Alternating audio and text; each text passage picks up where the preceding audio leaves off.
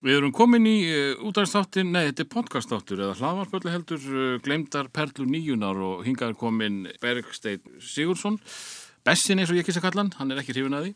Jú, jú, það er fínt. Það er fínt, já. Já, já, Uh, velkomin og, takk að þér, láttu þið það vel. já, það er. Uh, fyrsta spurning er alltaf, hvað er gamall þegar þessi áratugur gengur í garð? Ég er fættur 1979, þannig að ég er 11 ára árið 1990. Þannig að þetta er príma. Þetta eru mín blóma ár, Já. mitt blóma skeið. Það er að tala um blómaskeiði. Já, Og uh, þú býrð á vestfjörum á þessum tíma. ég er fættur og uppælinn á Patrísfyrði og alveg svo litið upp tónlistarlega af sýsturum mínum sem voru mjög mikið í svona hármetal, Já, það. Skid Row, Bon Jovi, Whitesnake, Er, það, er það áttan þín? Er það... það er áttan sko Já. og þetta er nú þær fóru á tónleika í höllinni og, og Skid Row áttu svona Don Can og úlpur, var ekki svört úlpur með, með appisingula fórinu? Það var millet. Millet, já, áttu, áttu, áttu Millet úlpur og fóru á þeim á tónleika og það komið tilbaka og það voru allir í skidró búin að árita úlpunar að innan og svo Hættu þessu. þannig að Þannig að fekk- þetta voru flottustu píðan í bænum. já, já, þetta betur sko Og, og eh, sko, hversu langt náðu þær með sitt uh, tónlistar uppeldi á, á, á lítinn dreng? bara freka mikið sko, ég átti vasadisko og þá hlustaði ég mig og þær gáði mér svona mixtape og það var bara þungarokk og svona báriðarsrokk og þess að þar uh, og fyrsta platan sem ég egnaðist þá gáði þær mér Your Illusion 1 og 2 á Vínil í jólagjöf, það er örgulega verið bara hvernig kom svo plata út 91 Það- Nei, ég held að sé 80 sko. Er það ekki, hvað, er, það ekki fyrsta platan? Nei, Use Your Illusion var tvöfaldaplatan þar sem eru komnir í November Rain og Já, allt já, þetta, já, það er örgulega svona 91 eitthvað svo já. leiðis Hvað hétt fyrsta? uh, Appetite for Destruction já, ég er ykkur Það er örugglega 87 Já. uh, en maður hlusta á allt þetta bara uh, auðvitað Guns N' Roses og, og, og allt það svo hafði svo var bróður hans pappa hann var svona gammal bítlakall og svona þannig að hann laumaði inn því öllu þessu gamla stöfin meðfram sko og þá var maður að hlusta á Led Zeppelin og þetta svona tegði maður sig í þetta eldra að því að maður vildi heyra svona fór að heyra hvaðan áhrifum komu sko eins og ég hlustaði held ég bara á heldur skelter með bítlunum að því að það var, ég las einhvers æskunni eða eitthvað líka, það var í fyrsta þungarokslægið og svo leiðis, þannig að Já, þá, gæti maður farið þangað og kafa sér lengra sko. Þannig að þú varst bara uh, þungarokks haus Í- sem, sko sem barn þá.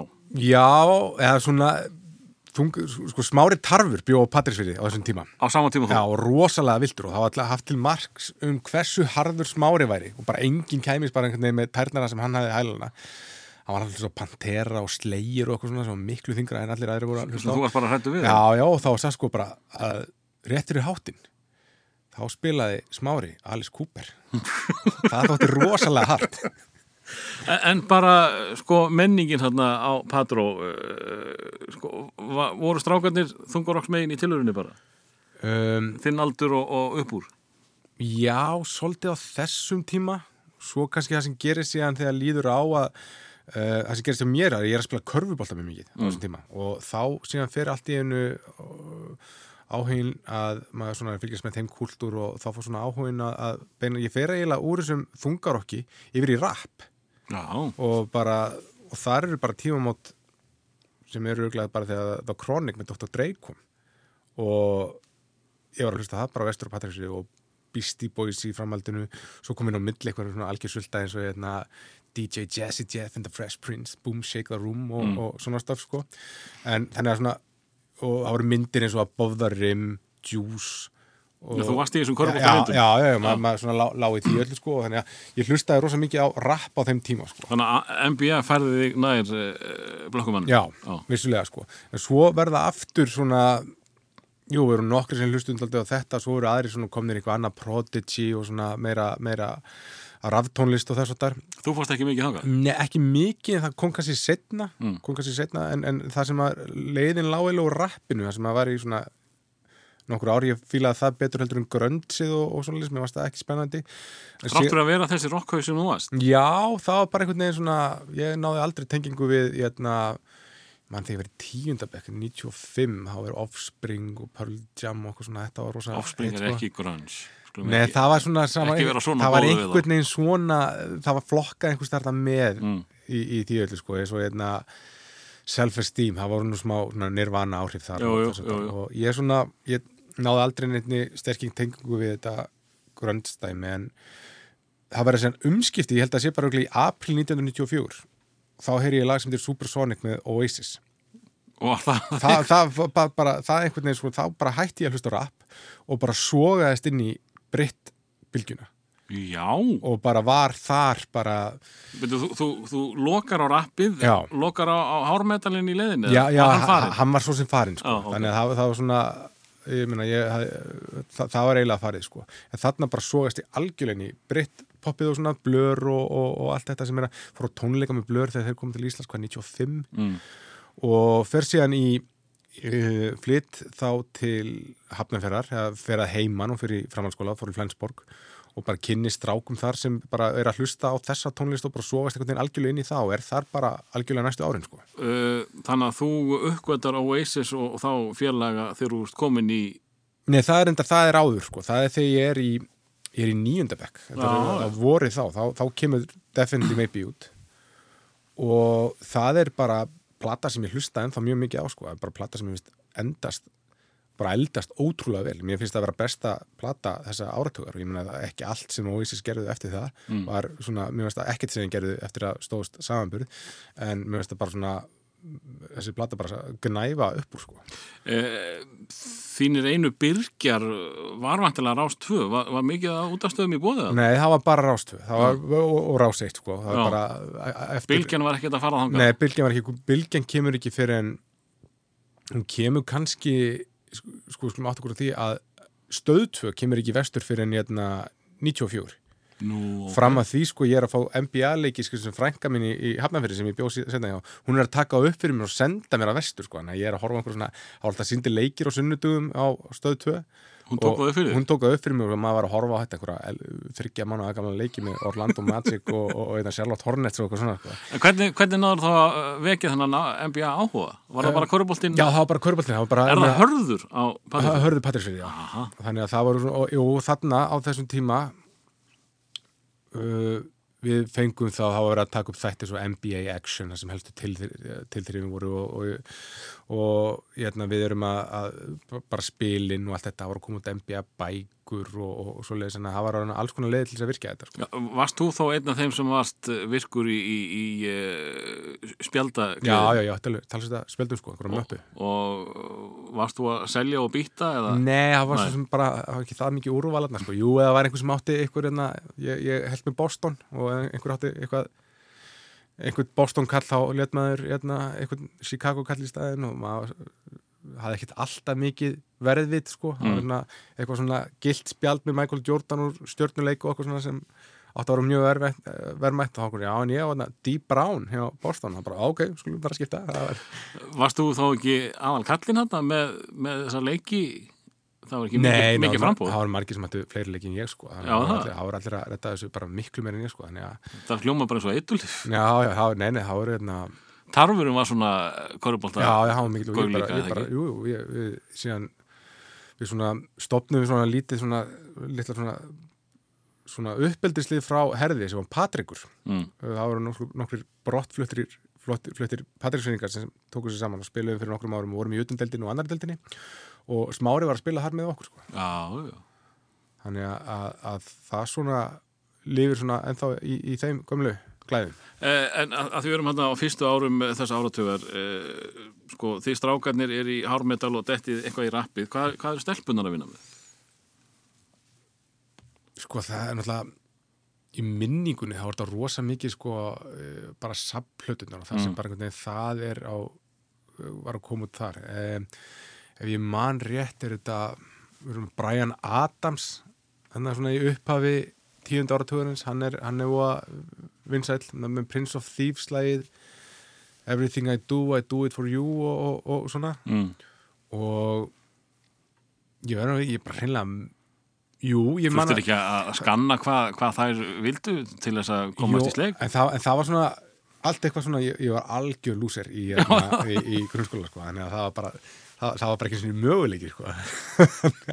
uh, en í minningun þá var það allt eitthvað svona Culture Beat, Mr. Vane Mm. og það svona Toon Limited og allt þetta Þær, þær voru svona í danspoppinu. Já, já, það, það var svona, og ég meina, og það voru fleiri alveg í því, sko, en, hérna, en, en það réður og mikið ríkjum, sko, en ég, ég, sko, það eina sem ég svona hafði með mér, ég var sérstaklega góður í körubalt átti að spila það, ég hef stundu sagt að ég hef verið sjötti besti senderinn í vestu barðarsnarsíslu en hérna, og við vorum held ég sex sem vorum 190 á hæði sko, þannig að á, á, á þessu svæði, en hérna Ég gæti ekki sagt að ég veri sjötti besti sendirinn í mín. Nei, þú bjóst líka á suðunni svona, sko. það er kannski aðeins annað landslag, landslag þar sko.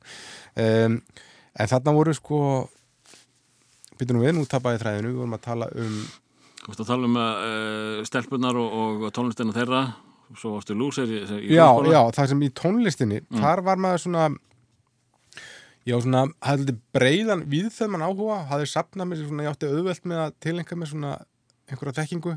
Þannig að ég var svona orðin til það var alltaf verið að sína einhverja tónlistarþætti í sjónvarpinu, einhverja rockþætti bara sögur rock tónl- tónlistar og svo leiðis ég horfði á það allt og lærði það allt utan þannig að ég etna, var svona alltaf vel að mér í bara popsögunni, tónlistarsögunni og var að þessu litið svo litið svona svo litið svona konasör og gekk, gekk stolti upp gekk, gekk upp í því sko að að, að, að hafa svolítið svona forframaðan smekk sko. mér, mér, fann- mér, mér, mér varst það mjög, mjög svona var mjög snoppaður sko. Ég, var- ég var svona Og stjórna menningunni ég, já, ég, ég, ég var svona stór fiskur í, í lítill tjörn sko. En, en sko, svoleiðis aðilar, þeir, þeir ná oft sér í svona einhvers konar following sem að, sem að elda kannski það sem að sá sem að þekki hlutina betur. Varstu, varstu með ég, Bossi? ég held ég hafi nú ekki verið ég held ég hafi ég, ég, ég, ég var ekki það sem í dag er kallað áhrifavaldur Nei, ok. uh, ég tó- hjó eftir því að þú talar um uh, sýstuðinar og frændu í, í tónlistar uppeldi. já Minnst ekkert á fóraldra? Um, Nei, það sem var, var til í plötuskápnum þetta var svona Elton John, Abba og þetta svona, ekkert eitthvað sem ég var neitt að hlusta neitt af ofbóðslega miklu kappi en ekki fyrir setna sem ég fatta bara sem kveiki á því sko, það er bara þegar ég er ronin þá eru komin upp í 2000 eitthvað þegar ég er ronin rúmlega, rúmlega 20 það sem að fyrir að hlusta á bara mamma átti plötur með uh, Johnny Cass Neil Young Harvest mm. með Neil Young, það er bara sem eina, eina mínum uppáhald plötum í dag að Já, ok. ég, bara mamma átti þá plötu sko, bara vínil og, og, ég, hérna, og fór að hlusta það gegnum það sko, þannig að það er ekki fyrir setna sem það, ég fór eitthvað svona að skoða það sem þau höfðu verið að hlusta Eh, en samkvæmt listunum sem ég er búin að skoða, þá virðist hann bara fæðast eftir og flyttur í, í Já, og ég, höfuborg og það, svæði. það er svona ég, er bara daldið svona einblindi svolítið á það Mm. það er kannski að því að það svona er margt aðeins sem ég hlusta ennþá ég, á í dag, ég er svona jújú, jú, það er sumt í hiphopinu sem ég fer í aftur sko, svo, hlusta ofta á Dr. Dre og, og svo leiðis um, minna af hármetalnum ég, ég, einstaka sinnum sem ég setja á hérna uh, 18 and Life með Skidró og, og, og reyndar á hérna, in a darkened room af, hérna, með Skidró af sleiftuða grænplötunni það er allir flott plata bara. Það, er bara það er bara svona ekki svo mikil hármetallinni það er bara, bara flott rock and roll á, á þeirri plötu sko Ég verða við ekki ég þekki það ekki. Nei. Ég þekki Eitina Live og læt það bara duga. já, En uh, skulum heyra fyrsta lag já, og uh, þar erum við að vinna með, uh, já hvað? sko fyrsta lagið hefur við ekki á, við skulum bara grípa niður í, Charlatans Mm? og ég valdi það alveg að því að ég er sko, Britpoppið er bara það sem ég bara lif og hærist í bara frá 94 til svona 97 það er bara þau, þau þrjú ár þá er, bara, er ég bara að hlusta á bara gítarrock frá Breitlandi Mm. það er sára lítið annað sem uh, kemst að og bara öll áhrif svona, öll hip-hop áhrif og svo leið sem ég heyri það teki inn í bara gegnum Happy Mondays eða hérna uh, Stone Roses, hérna, Fool's Gold og The Beat þar og þess að Primal Scream sem eru eitthvað svona samplað en svo komið svona gaurar eins og Chemical Brothers sem eru svona að vinna með britt popporunum eins og Tim Burgess söngvara Charlatans. Ég valdi Charlatans að því að hún er svona Kings tíund áratugurins. Já. Þetta er svona bandi svona þegar fólk hugsa um, um, um brittið uh, að þá er þetta alltaf bara Oasis og Blur eins og Beatlarnir og Rolling Stones voru svo komið þetta Kings á eftir Charlatans voru svona, svolítið þannig sko að svona band sem var rosalega stórt í Breitlandi, mjög farsælt og var bara nokkuð gott fyrir sín hatt sko, gáði þarna sérstaklega tvær plötur sem ég hlustaði mikið á Telling Stories, sem þetta uh, lag sem ég valdi er af og svo kom næsta Us and Us, Us Only. Og það er bara, Varst ekki hrifin af Early Charlatans? ég bara var ekki byrjar að hlusta á þetta þar sko, ég, komst ekki, ég komst ekki jafn mikið inn í það Mm. og það en ég hlustaði meira á þessa tvær. Og, og allir þetta ekki bara lægi sem komur á bragðið með þá, þá sko. Og hérna og hérna, þetta er lag sem þetta er North Country Boy ég, ég er einhvern veginn svona sveitastrákur af vestan sko, nema eitthvað tengdi við þetta en bara, já, mér langaði bara svona, jú, jú, það böndið svo pölp og svona sem ég fannst samt á einhvern svona öðrum stalli heldur en, heldur en Sveit, hvað voru þeir í? ég, ég hlustaði mikið á, á, á það, það var alveg, alveg með sko Mm. og ég var alveg svona held alveg meira með Oasis heldur en blur sko, en það var samt aldrei þannig að þetta var einhvers fjandskapur mér fannst, ég hlusta, maður tók þetta allt inn sko, maður var ekkert annarkvort eða sko, maður, Talandi um annarkvort eða, eh, að þú talar um að hafa bara verið eh, uppfullur af, Britpopi Mhm. á þessum tíma. Út fyrir þá kúlu, já, varstu lítið að þefa öðrum sko ég man bara í Flensborg að það voru einhverjir strákar sem svona, byggja svona handbóltar okkur um sko Mm. og það voru einhverjir sumir sem voru að hlusta á, á vini mínir bestu, þeir voru bara hlustuðu mikið á Pearl Jam mm. miklu Pearl Jam menn og það var svona, svona og svona bönd sem voru svona oft með stimpilin handbóltarokk Oa- Oasis eru sem flokkaði þar sko að ég, etna, ég náði lítilli tengingu við það eins og ég, etna, Pearl Jam og, og því og svo var einhver sem fór að hlusta á Creed og þetta sko ég bara, allt sem var að varst bandaríkinn á þessum tíma ekkert sérstaklega spennandi Mm. og örgulega eina hvað, Bush sem var ensk sveit sem gerði það gott í, í Bandaríkjum. bandaríkjunum sko, ég tengdi ekkert við það, mér varst það alveg Nákvæmlega. þannig að, jú, það er svona vísir, það er kannski það eina sem svona af þessu bandaríska sem svona náðin á, á listahjámanni Það var líka rosalega evróst já, já, akkurat sko. Þannig að það, það var rosalega svona það er ekki fyrir svona 97 sem ég fyrir að, að hlusta á bönd þá þá fór maður að fara í aðeins aðra ráttir, það er kannski hljómsveitir eins og Radiohead sem voru svona farnir aðeins að fara í aðra ráttir þá. Og þá fór maður að opna fyrir hljómsveitum eins og Mercury Rev Mm. um, Flaming Lips. Og þá svona fór maður að taka og svo líka er ég allt í nú fann að hlusta meiri svona svo komið eitthvað svona bara önnur áhrifinu er komin með Moonsafari og maður svona var farin að víka spektrum með þess og þá, fór- og þá var líka aðeins svona meira spennandi hluti farin að gerast í bandaríkjum Heyrun Tjanatans, North Country Boy.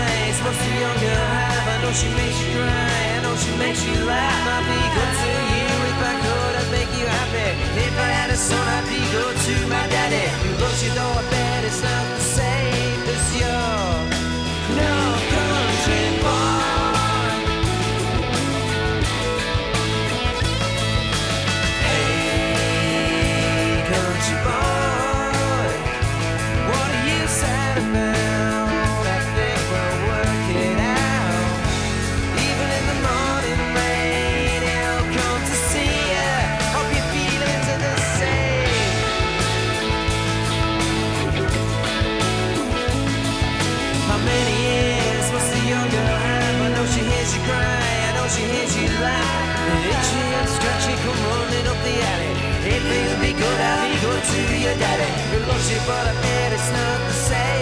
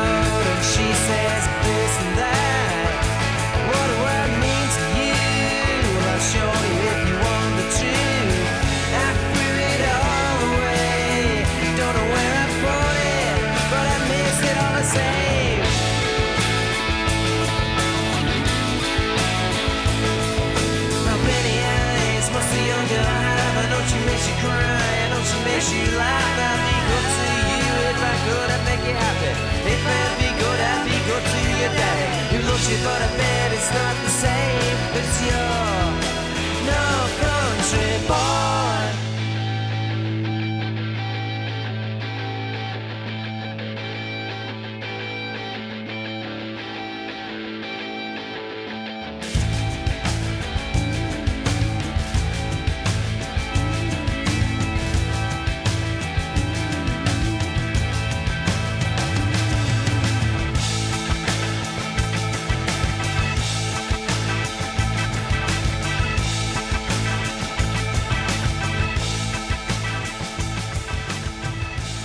Þetta var hljómsveitin Charlatans og uh, fyrsta lagi hjá uh, Bessanum, North Country Boy.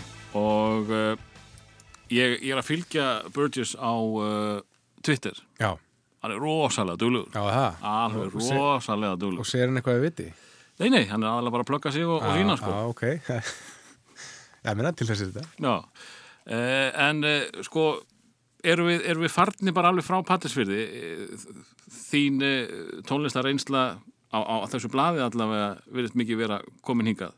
Já, og hún er sko þetta er alltaf samofið af því að ég fyrir alltaf vestur á sumrin sko, fór alltaf þetta á bara fór alltaf á sumrin bara að vinna þess að þetta var þannig að, að ég bjó hjá frængu minni við, við, og en svo þurfti maður að lifa veturinn af einhvern veginn og þá fór maður bara á sumrin og, og safnaði penning, bara að vinna á post og síma skoblu strákur þar Já, ok. okay. og líka eitthvað í fiski og svona svo þurfti bara peningurinn að döða fram að jólum þá fór maður aftur, aftur vestur og, reynda að vinna svo fekk maður dreifbílistyrk tvisar ári það var geggjað, maður var mjög vinsælt þegar dreifbílistyrkunum var komin í hús í ég held að vera í nóvember og svo aftur í, í april Þetta er einmitt styrkur sem Andri kom inn á en hann notaði hann kannski ekki jafnvel og þú. já, við skulum, já, hann, hann fór í, í Hann fór í alls konar? já, en, og það kom sér vel þannig að þetta manni alveg á Patrísfjörði líka sko. það er bara eins og Oasis þar ég, ég heyrði það fyrst þegar ég horfi á það í þættinum Pop og Coke á stöðu 2 og Pálmi Guðmundsson sem kynnti þetta lag sko. og, og þann, þannig að þetta byrjar allt þar sko. En, en sko, úlningur á Pattisfyrði, hva, Mhm. hvað gera menn eh, þar? sko þetta var í minningunni voru Hvað er þetta, stórt? þá er þetta kannski 700 mann sem búa að sko. þetta hafi verið farið mest upp í þúsund svo náttúrulega er tálnafyrir og bíldudalur hérna um, við hliðina í minningunni er þetta ég meina ég næði skottið á sveitaballatíman Mm þannig að það er ennþá að gerast það bara sálinn og sólinn og skítamóra allir þessu land og sinnir það er ennþá verið að, að, að, að alltaf böllum helgar og svona og í minningunni þá er, þá er þetta frábær tími, sumrin á Patrísviði á, á þessum, þessum tíma. Ég mann þegar maður, maður leið soldið eins og í fokking ómól þegar maður var í, í grunnskóla síðustu árin þar, þá þurfti maður að komast í eitthvað stærra. Mm. svo kom maður á, á sumrin og þá var sérstaklega sjómandagshelgin, það var bara byrjun og öllu, þá var alltaf eitthvað lítið ball á á föstu degi, þessum hljómsnum Solon sem held ég spili ennþá á Patrísfjörði kom alltaf þá, svo farið á Bíldudal á lögadeginu og ball þar og svo var sjómandagsballi sem var alltaf reisastórt sem uh, var á bara sundarskvöldinu mm. ja, og það var alltaf svona þryggja daga hátíð það sem bara íbúafjöldin töföldaðist og, og, og, og já, þetta er svona bara með ungur og áhyggjulaus nýkomið með bílpróf og, og bara hrikalega gaman Ég, ég spilaði nokkuð oft þarna á Tálknafyrði og hópin. Ég sá þeir einu sem spila á tálknarhópinu, já. Það var bara ég man eftir því, sko. Ég var, varst að spila hérna, komdu með með stuðmunum. ok, Komdu með. já, já, álveru tónlist sem já. maður býður upp á. Já, já.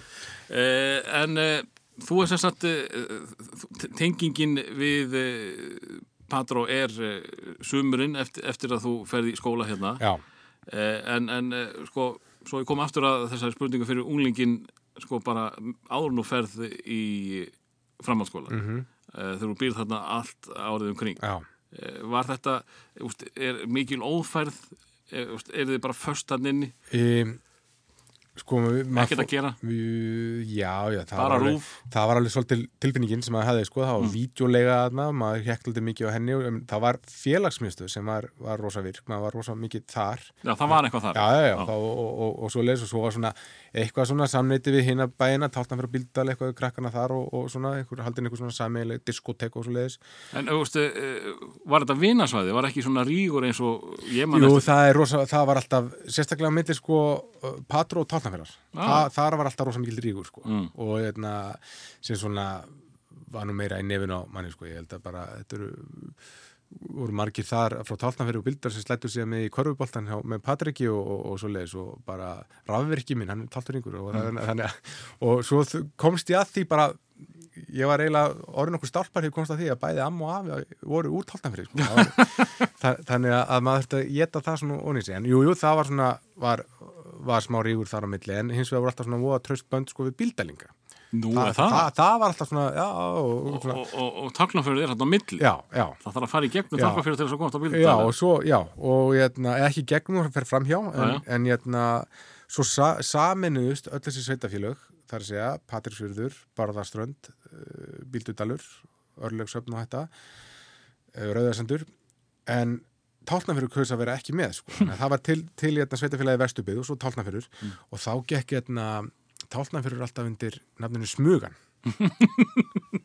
og þótti mönnum, mönnum fannst þeir alveg afskaplega sniðir. Já, ég fyrstaði líka að þessu.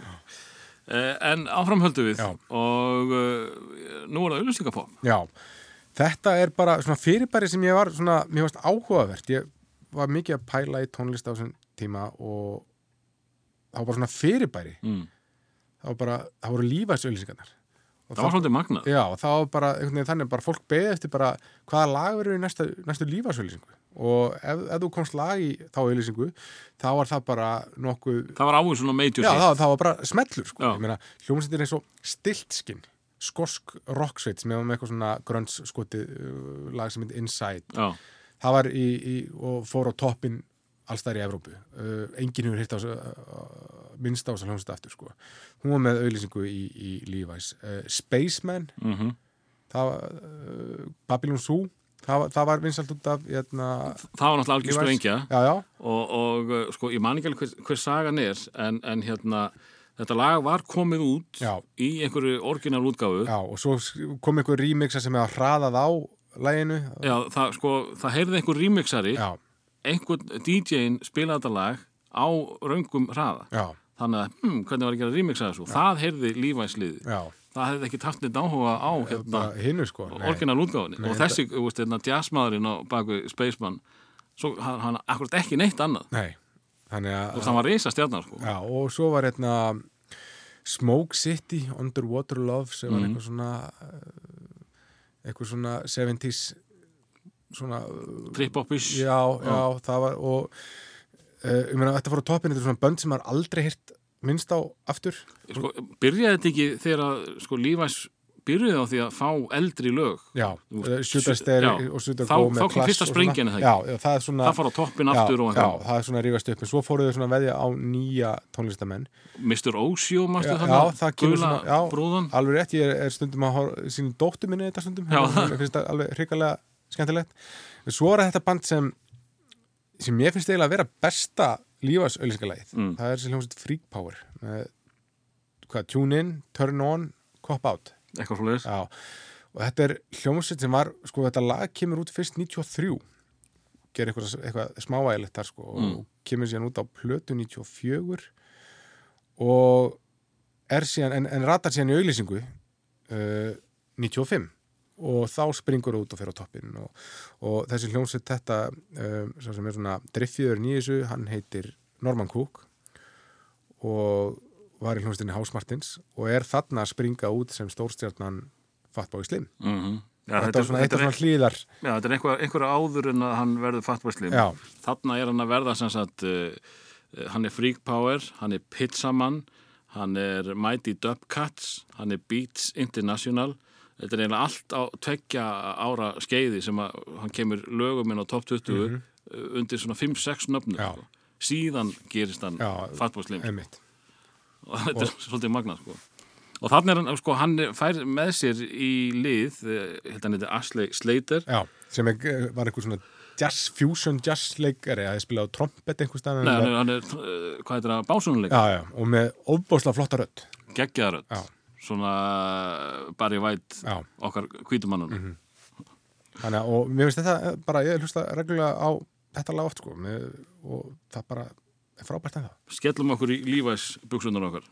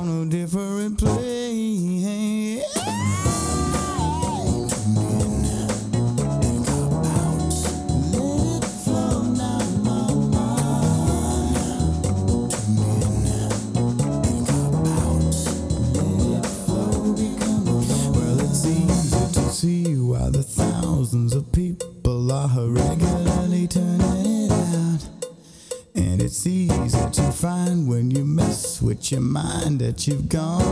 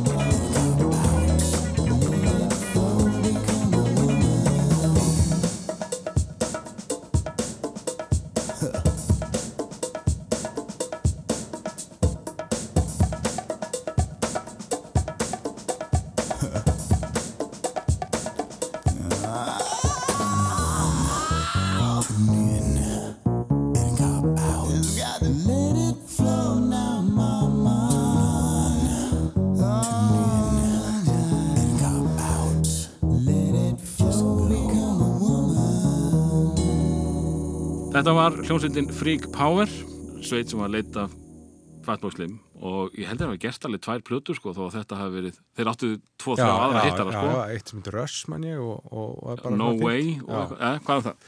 Eh, áframpöldu, hvað ætlaðu að gera næst? Uh, við ekki bara fara í Primal Scream? Mm Primal Scream er sko er náttúrulega að byrja miklu sko, þetta er lag af Screamadelica sem er eina mínum uppáhaldsbrutum og kemur úr 91 en ég fer ekkert að hlusta á hana fyrir en það er ekkert fyrir en eiginlega ég heyri fyrst í Primal Scream þegar þau gefa út plötuna Give In But Don't Give Out það sem er að lega svo Rocks og jæna, Jailbird. Já, sem að, að follow up við að já, já, sem var svona rosa bara mainstream eitthvað svona söðuríkja rock. Mm. og að- var alveg fínt sko þá, en svo bara út að maður fór að, að maður var að hlusta á þetta Blur, Oasis og, og það allt sem þetta nýja sem voru að koma út þá var maður líka að svona tegja sér þetta svona sem kom aðeins og undan. Suede kemur aðeins og undan og maður fór að hlusta á það. Og svo Stone Roses og Primal Scream.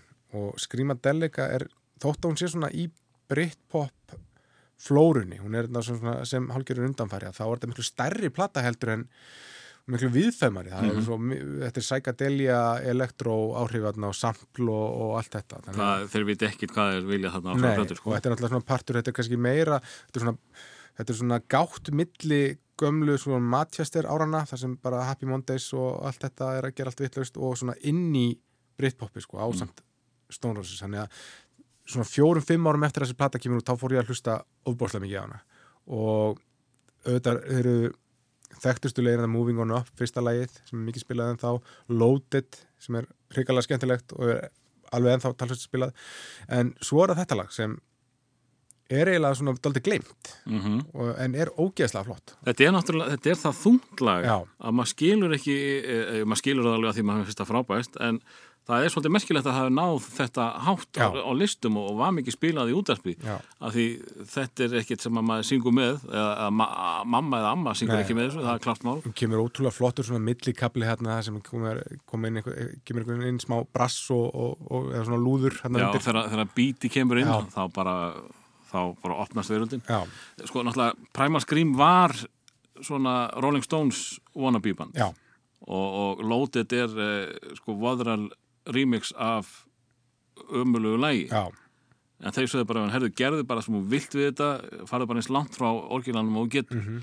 og hann tók út allan söng og hann tók bara út allt lægi nema eh, sko þarna brasskaplan sem er svona undirliggjandi. Já, og þeir sagði bara, wow, þetta er I, I like this, þannig að hann er eiginlega bara með skrima delíkuna með sitt eh, dub, eh, minna, sín dub áhrif það er rosalega dub í þessu lagi já, já, ab- absolutt sko og, bara, og þarna fór maður svona maður, þetta er svona líka sérstaklega bara plata sem svona að maður fór svona að, að maður, maður kannast við að fór að kynna sér tónlistamenn sem lágu kannski á öðrum sviðum Mm. á þess að maður kannski heldi sér í það sko en maður svona, svona klukkaði hans sem margt í gegnum svona bönd sem svona áhrifin voru svo við þeim.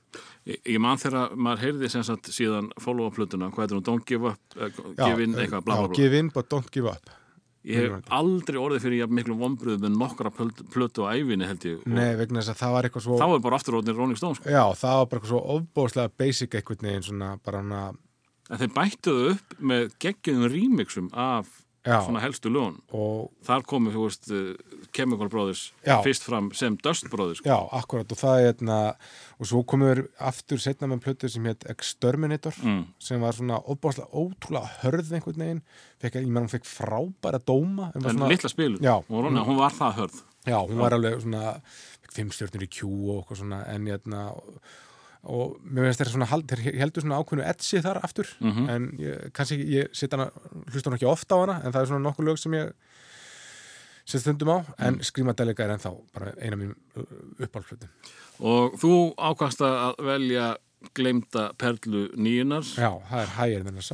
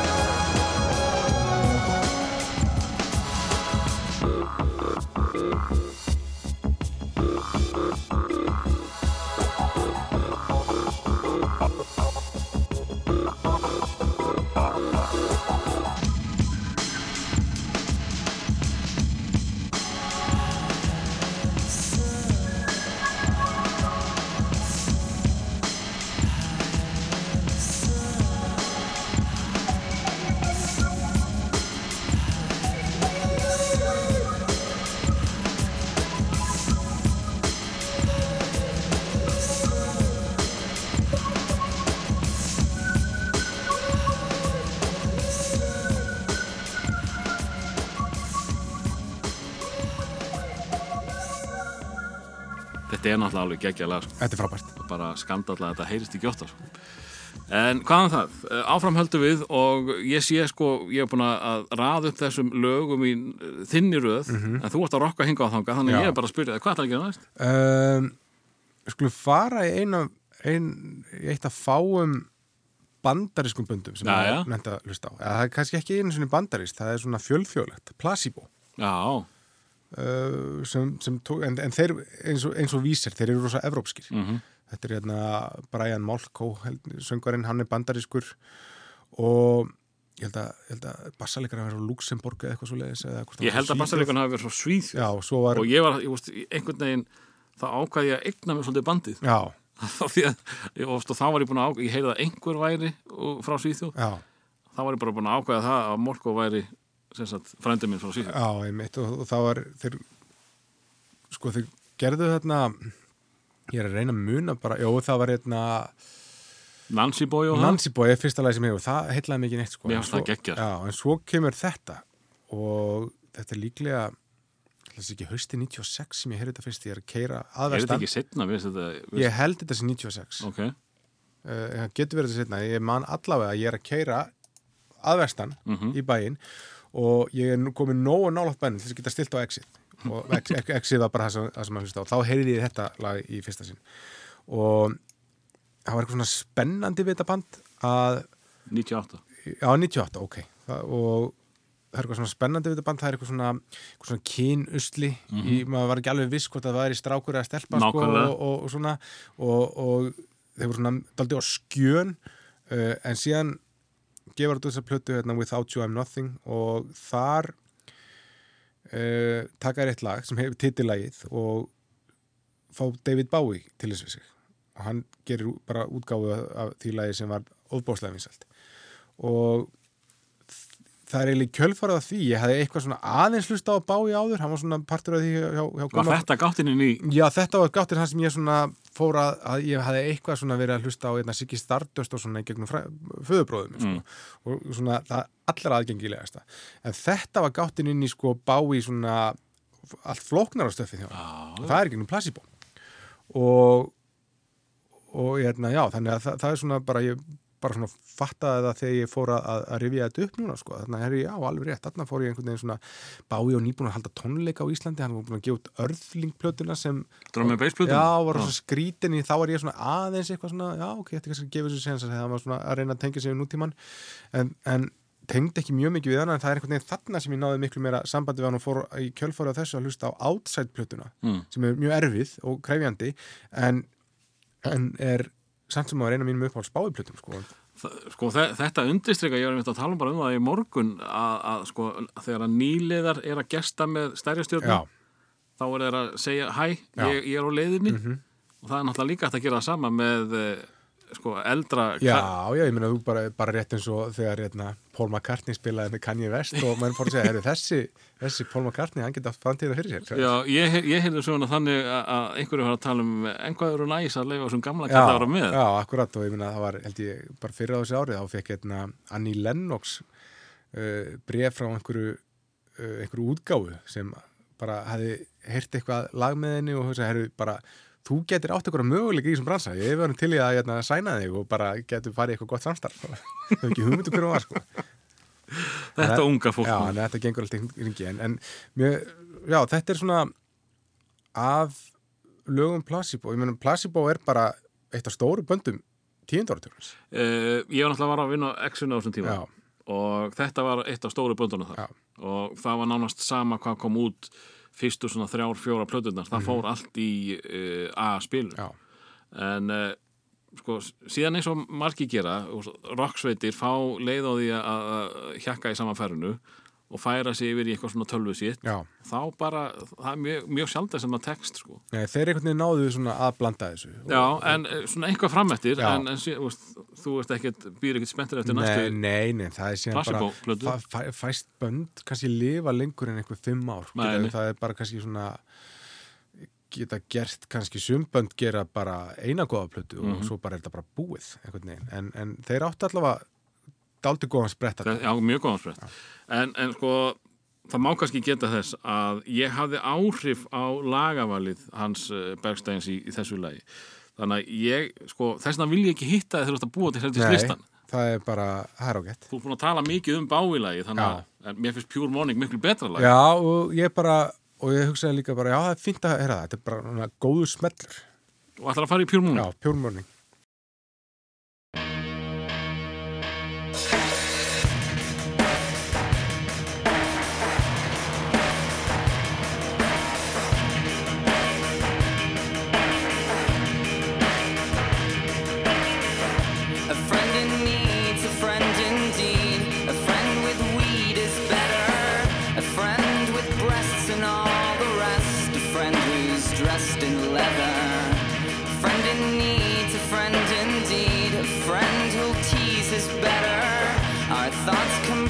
which makes us blessed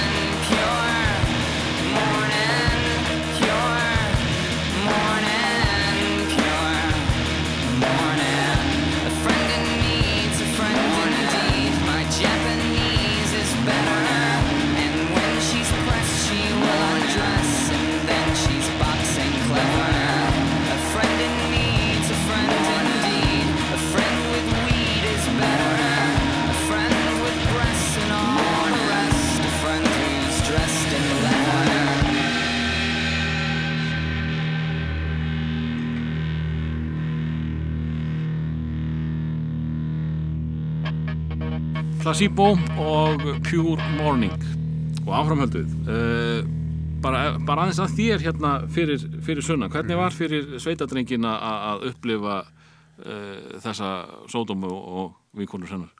Sko ég var eiginlega það lánsamur að hafa endað í Hafnafyrði Mm. að ég sótti mig Kvennó sem hefur nú örugglega verið frábært en, en fekk ekki inn þar og en frænka mín sem ég fekk, að, fekk herbyggi hjá hún bjó í Hafnafyrði þannig að það lá bara alltaf beint við að fara í Hafnafyrð Og hvernig, hvernig var Flensborg?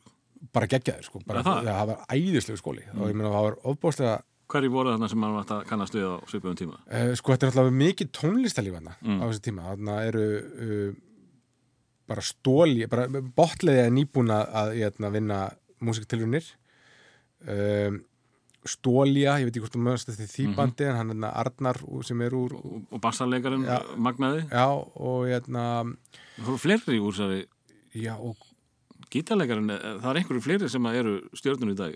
Þú Það, það er Addi Trómari, bassarleikarinn og það, það er það var hljómbásleikar og gítarleikar, jú, ekki jú, söngvari jú, jú, og svo var hérna hljómsdyn Úlpa sem sigraði í músiktilrunum uh, og hljómsdyn Woofer sem vann, ég minnir að hún hafði unnum músiktilrunir, þar á Hildur Guðnadóttir sem er núna, hún var, hún var, hérna, hún var þetta í MH en hún sem sé söng í því bandi var það hún sem söng í tánum þínum er táfíla já, Já.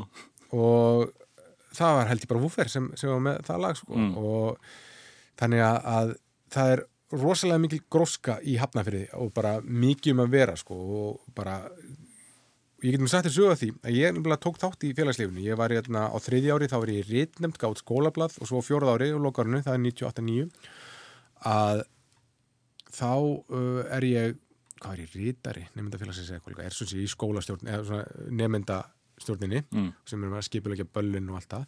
Og ég held að við séum fyrsta bara, uh, fyrsta giggið sem hljómsdyn Jaguar fær. Það er á balli hjá okkur á útvarpi, nei á, na, á Hótel Sögun Mm. þá hérna sem sé, hefði ég séð, ég var að lappa nýri bæ þá sá ég á, þeir voru að spila svona fyrsta opna gigi fyrir áhörundum eða svona sem var borgað inn sko Mm. þú séð að þá voru, voru þeir að spila inn í að Sævari Karli einhver svona lokuðu engapartí, maður sá samt inn sko og maður tók eftir svo ég svona, það var svona mjög föngað og skemmtilegt og bara herrið, þetta geggjast við erum að fá þetta og hérna vorum þetta nokkrir úr nefndafélaginu sem heyrðum þetta og komum okkur í samband við þessa gauðra. Og þeir gá okkur demo með einhverju fimm lögum. Og já, þetta demo held ég já, ég fann það bara um daginn, ég var að flytja og þá var ég að gramsa einhverjum kvössum og ég held að sé bara einhver, já, nokkur lög sem þeim tók upp og það er svona uh, svolítið ánæg með það. Var ekki hérna, var ekki svolítið eh, í tísku þetta, eh, þetta brass swing á þessum tíma? Ég man að á svipum tíma, hvort það verið fyrir að setja, man það ekki nákvæmlega, sælgættiskerðin á glömba. Jú, nákvæmlega, það er, það er eitthvað svona, það, á þessu íslenska mm. Mo Better Blues og, Einmitt.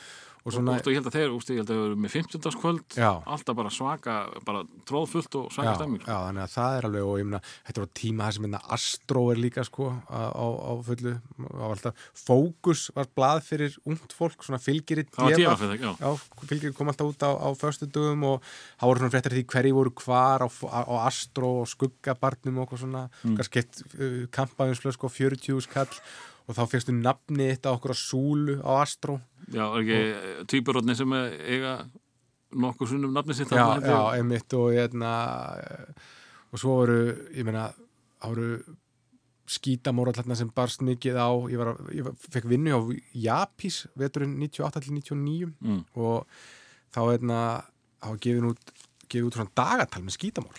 Og það seldist alveg svakalega vel. Það var bara allir og, og þeir voru svona allir, allir á Volkswagen Golf sem á eitt, 1 til, til, til, til, til 5 svo að það með minnir hengt upp á Astro enganúmerinn sko. Já, þannig að þetta var alveg Nei, var, það fór á, á hardrock. það var á öðru hardrock Já. já.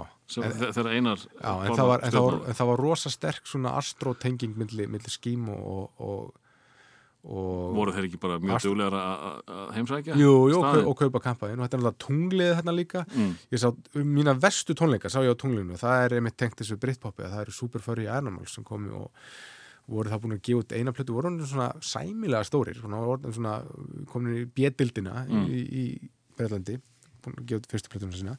Komin á lista þá svona svo koma þær og hvort það var á vegum, hvort það exið held þess að tónleika, ég manna það ekki, en hérna, Öruglega kanninan, sko. já, og það var alveg ógeðslega kallt þarna, kolrosa krókriðandi bara hittu upp og svo kom þeir og bara, að þetta var eitthvað svo glata, og svona hálffullur salur og bara engin bara svona, þetta var bara svo að horfa á, á bara soundcheck Mm. bara, það var svo maður hefði komið þarna klukkan þrjúum dag og labbað hann soundcheck og þetta var glatað, ég hef svona eiginlega aldrei nefnt að hlusta á það eftir þetta.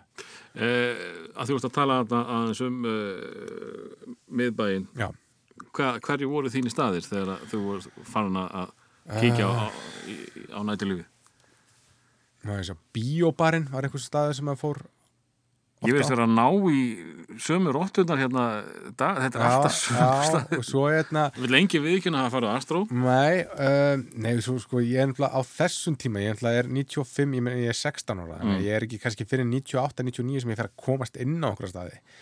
Uh, er ekki Amma Lú, eftir mér á Amma Lú, 17 ára. Það var á kringlunni, það ekki? Já, ég er líklega, já, það var einhver annar staður sem var, Amalú var, það var skrítið apparat. Risastór staður sem að nánast aldrei einhver var já, svo var svona staður sem heit Spot, nei, Sportkaffi. sportkaffi, já, Já, já, það, mað- það var svona daldið tekið. E- sem að minni mig á auglýsinguna þeirra. Það var eitthvað bla bla bla, dýti þessi í kvöld, bara gaman. Ekki þóldi, þetta ekki hvað, sportkaffi, Já. bara gaman.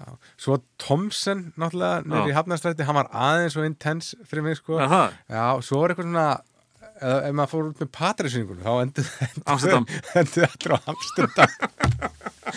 Vesturlíkarnir áttu já, Amsterdam. já, það, það var svona, þannig að ég endaði einhvern tíma þar til nýju morgun. Já, það var eitthvað skrítið. Já, rosalega undarlegt. og hérna, úst, þó maður hitt ekki sko ég náttúrulega bjóð á vesturum í fimm ára eða eitthvað. Uh, ef maður hitt enga vestfyrring uh, allt jammið, endaði síðan kannski klukkan fjögur fimm á Amsterdam.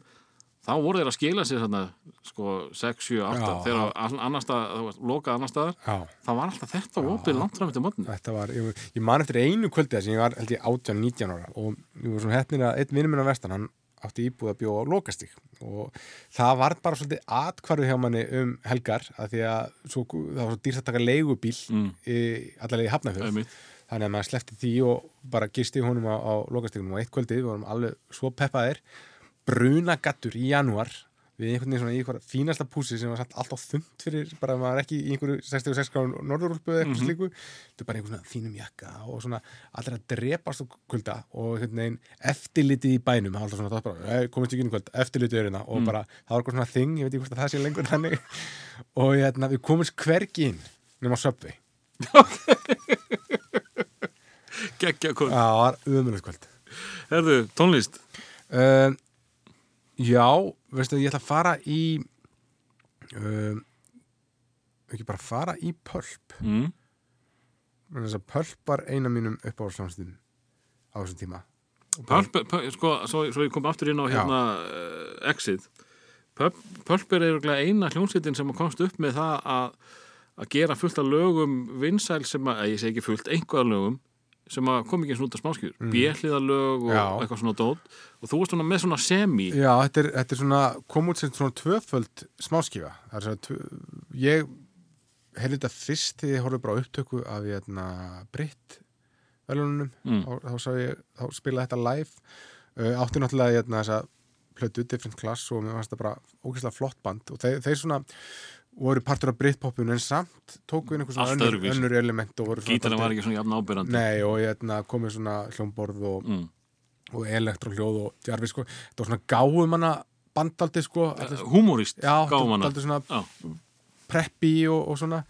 Og ég var svo heppin á norður og niður núna síðast, þá fekk ég að taka viðtal við djarfi sko einmitt, var Hvernig var það? Það var æðislegt. Því þú, þú ert alvöru fan. Já, var er, bara ekki, er ekki erfitt sko, ég tala við menn sem ég lít mjög til, upp til í gegnum síma Mm. og ég get alveg grett mig og, og stamað og eitthvað svoleiðis á þess að hann geti já. en að setja með honum og já, og þetta var svo erfitt að því hann kom svo, hann var að koma og halda eitthvað fyrirlestur Mm. hann, er, hann er mikið, að- hann, hann gerir útvarsþætti og hann er, hérna hefur komið margótt til Íslands og hérna, var að gera eitthvað þætti með andra snæ og svona, svo var hann að koma að halda fyrirlestur um sköpunargáfu og við, hérna og, og þetta var eiginlega mjög því að við mætum hana og erum tilbúnir í einhverju þú búið að segja herru, þið verða að hitta hann inn í einhverju fjölmjöla herbyggi sem er hinum inn í hörpu og harpa eru algjöri ránkalar við mm. býð eftir um einhversa baksis og er hann loksins komin og ég vissi ekki nákvæmlega hvað þetta fjölmjöla herbyggi var og hann er komin rétt fyrir fyrirlestur, hálftími til stefni og ég segi þetta viðtalt ekki bara tímyndur og hann bara, á ok, ég er þarna ég er daldið þarna tímabundinu og ég segi, herru, við bara klárum þetta. Svo er hérna göngu á stað og hann er með einhverja, er einhver kona hann á vegum hátíðarinnar sem gengur undan okkur. Og hún bara lappar og lappar og við erum komin í einhverja algjöran ránkalla. Og svo bara, og er þetta hérna? Og þá lítur hún um að segja, ég held að þú verður að leiða okkur áfram við erum komin eitthvað út í raskat eitthvað, eitthvað sminkherbyggi hérna baksins sko, það sem við nota bara fyrir óperur og, og eitthvað, eitthvað svona.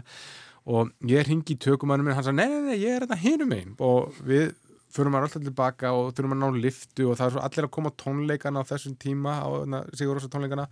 Og ekki séns að komast í liftu og bara svo, og kokkar honum pyrraður og hann svona, "Ah, ég bara get þetta ekki ég verð bara svona, tekur undan þessum gagnuðun og svo hristur hausin, ég verð bara, ég er að fara að halda fyrirlestur um 20 mínútur og bara ég get, er, ég skal bara koma að tala við eftir fyrirlesturinn, gengur það ekki bara? Og ég bara, jú, jú, ég, ég bara bara gemum þetta í tvo tíma og kem svo aftur klukkan tíu og svona, hann bara ok. Og ég bara, shit, ég er búin að klúra þessu. Hann bara, bara með einhverju ömulugu svona amatör klúri mm. og býður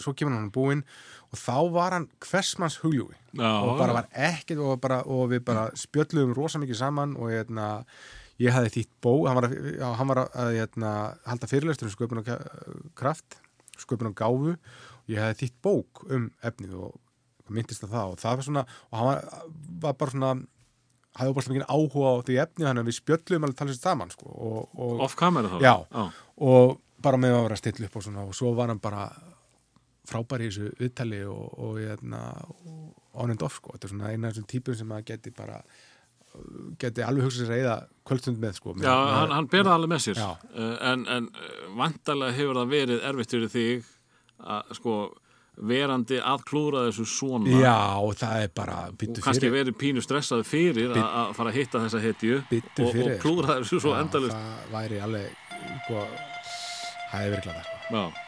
En þú ætlar að taka hvað með Pöl? Herru, sorted uh, sorted out for ease and wish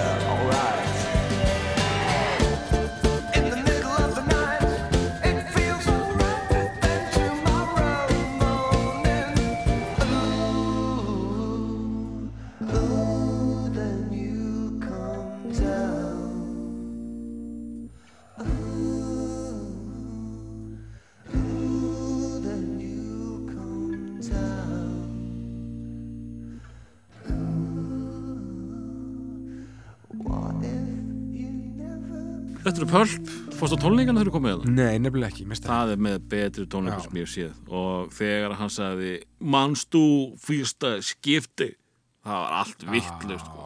taka smá af, sko, málísku Já, landsins þá, þá ertu búin að negla já salinn, sko. nákvæmlega sko. Meina, þeir voru með fiðluleikara í bandinu sko. Já, það já. var eitthvað alltaf öðruvísi en allir var- voru með og, og bara geggjað band sko. Rosalega flotti þetta svo- er eiginlega fyrstu alvöru tónleikar sem ég sá sko. Já, og svo svo skrítið með það, þeir koma þarna, eru með His and Hers, svo kemur Different Class og allt þetta ofbáslega vinsalt og svona svo gera þeir, sem er hugsanlega þeirra blesta plata, sem er This is Hardcore Mm. þá þetta er algjörlega já. einhvern veginn svona, það var bara það var eiginlega, sko það Britpoppið var bísna einhæft það var bara svona uh, bara svona einfalt gítarrock sko. Mm. þannig að það er bara fyrir uh, ég segi ekki, ég hef bara hlusta á það í þrjú ár eins og ég svona gaf í skín að sa- sagði fyrir þettin en, en, en maður fór fljótt að finna okkur nú verðum maður að að taka eitthvað annað inn og svona og ég etna, og Pulp einhvern veginn gerði það með þessi Hardcore gátt ógeðslega flotta plötu sem svona er ekki, er ekki Britpop plata sko og, og einhvern veginn, þeir gerði hann kannski ofsnemma af því að það er kannski, hefðum komið út nokkrum ár síðar, þá hefðum kannski átt meira upp á pallborðið. Eh, sko, í þá daga þurfti hljómsveitin að vinna svo mikið með útvarpinu. Já, og uh, það er ekkert útvarpspopp á This is Hardcore. Nei, Hvað, var ekki það var eitt lag sem heitir Títilagi hérna- var það ekki fyrsta lagi uh, Fyrsti smá, Jú, fyrsta smáskíðan fyrsta smáskífan var, var nefnilega bara léleg Help the Aged já, og, já, hjálpum um öldruð sem var eiginlega bara svona slaft. Mm. svona gam, gamaldags pölplag sko. Bara ekki jafn gott og neitt annað en svo kom öll restin og maður svona er allt í lagi slagari sko en öll restin er miklu betri sko. This is Hardcore er síðan kom sem annar singull og hún kannski, já um, það var kannski bara Ég Radiohead segi bara og Ali G No Já, en það var bara uh, já, það var kannski bara Radiohead sem tókst að koma komast að með svona þungmelt eða gera karmapólís sem verður Mm. einhvern veginn svona, En verður úst, svo fara þær enn lengra Já. og það, úst, þeir voru ekkit bestu vinnir útdansins Nei, nei, á nei, fyrstu plötunum á, á, sko, á fyrsta ára nei, ára nei alls ekki sko þannig að en þetta er alveg svona plata sem maður ætti absolutt að heimsækja aftur sko Já, ég er nefnilega, ég, mér fannst fyrstu tvölaugin ekki nóg sterk, ég hef aldrei hlusta á This is Hardcore sko. Nei, en svo, svo er, er þetta, er, þetta er Spotify-verkefni já, og, svo, og svo er Jarvis Cocker farin að gera alls konar annað núna hann er s- gerði plötu með einhverjum píjánuleikara Mm. og þeir sömdu lög og ljóð út frá hótelherbyggi þetta kom bara út bara örfáum árum sko. þá Mm. bara fóruður okkur hótelherbyggi og bara Jarvis Cocker skrifar einhver texta um bara einhverja stemningu út frá hverju herbyggi, einhverja svona smásögur svo gefur einhver píjánuleikari og hann samti bara eitthvað, eitthvað stef og svo spilar hann það og Jarvis les. Þannig að hann er, Já, ok. það fyrir sent í útdorpið Eh, En þa- það, það sem að kæti mig svo mikið með eh, þessa þáttaröð er sko eh, allan fyrir mig að þegar að maður lendir á einhverju sem að maður var búin að gleyma og fer að skoða betur eins, og, eins og hérna Deus í þættir að maður sanda Já, ég var bara búin að ákveða það að fyrsta platan væri það eina sem að væri eitthvað varið í Mhm. og svo spilaði hann eitthvað lag og hm, þetta er ekki svo afanlegt þannig að ég fór heim og lærði vel heima og, og þessi plata sem ég man nú ekki hvað heitir núna er alveg stórgóð þannig að eins og núna, ég, ég er að pælja að taka pörpið og, og hardcore já sko. bara tjekka á því, Mhm. absolutt en næst fyrir við hvað? Um, Við skulum fara sko, næst kemur band sem er Britpop band og er svona fulltrúi hérna glimdu Britpop banda. Já. þessi böndin sem komu, hafa örgulega búið að spila slatta af þessu, Reef, mástu því? Mm Place Your Hands og svona, gerir plötu sem Glow, allt bönd sem fóru upp í sko á topp þrjú með plötuna sína sko á fyrsta, annað, þriðja sæti sko. Um, Manson það var svona band. Uh, Kula Shaker átti hérna hérna plötu sem hérna þeir voru með eitthvað svona heipa rock sko. Um, þetta er eins og hljómsveit sem var aðeins á skjön en smeltpassa einhvern veginn inn í og þetta er Blue Tones mm. og það var eitthvað átti eina plötu sem var bara frábær. Ég held að hún hefði komist á bara verið kemur, úr, kemur, kemur líka út 96 og var sumstaðar valin plata ársins. Já, ok. Þetta er ári eftir What's the Story Morning Glory hún fór á toppin í, í Breitlandi Það og er miklu léttar heldur en á Oasis. já, þetta er svona bara er svona- Kassagítar er er svona- meira áberandi. já, þetta er svona þjóðlega skotið Mm. uh, gítarrock sko og það var bara svona, já, þetta er svona geðfelt og bara ég hlustaði rosalega mikið á þessu blötu, ég hlustaði stundum bara gegnum lögin og hún er bara, þetta er solid plata og þá, svo las ég mér aðeins til um þetta band og þá var bara átti þessi þá einföldu skýringu að þeir, þeir eitt af þessum böndum sem var bara tíu ára meikaða og voru bara til lengja þannig að þeir eru, fyrsta platan er bara óbúðslega svona kompakt og þétt og bara góð, þeir eru búin að vinna lengi á þessu efni, svo kom að því að fylgja þessu eftir. Return to the Last Chance Saloon hétt svo plata, bara árið síðar eða eitthvað líka. Og hún var hræðileg. Já, já, bara umölu plata sko. Og hérna fekk allstar vondadóma, seldist ekkert og þeir bara bár ekkert sitt bar síðar sko, Mm. þannig að en, en þessi plata var já, hún var eina af þessum svona uh, eina af þessum plötum sem maður hlusta Kast var önnur, önnur hljómsinn sem var Sem var rosalega svipu, fannst mér. já, það var svona Það var einhver lög sem Já. voru eiginlega bara alveg eins og það er sé, eitt í viðbútt uh, við Blue Tones sem að ég náði að ruggla rosalega oft saman en það er bara ekki að koma upp í hausuna mér núna Nei, það var allavega sko Kast var svolítið merkileg band merkilegt banda því að hún var svolítið vinsæl, náði held ég bara plötu sem var á top 3 og nokkrum smellum. Uh, en gítalekarinn og söngvarinn þeirri uh, sveit, hann var aðal driffjöðurinn í, í hljómsdynni það Las, já sem gerði There She Goes, átti þann smell og, og ekki. Og svo þeir voru tveir sem voru svona aðal þar hann er í bakröddunum í There She Goes og hérna, spilar út á gítarinn, þeir eru frá Liverpool. Mhm. en svo fór það það band þeir menn heldur að það myndi einhvern veginn svona megaða, en gerði það ekki og þá fyrir gítarleikunum John Powers og stofnar þetta band þetta kast sem, Já, er las á undan. Já, hún undan sko, nokkrum, nokkrum árum. Sem að ég kynnti alltaf sem LA's Já, einmitt. En hérna, en Blue Tones og, la, og, og Kast voru svona á, ég hefði getað valið örgulega lag með öðru kóru sko, en, en ég ákvað að taka þetta svona glimrandi fína bara þjóðlega pop gítar lag, Slider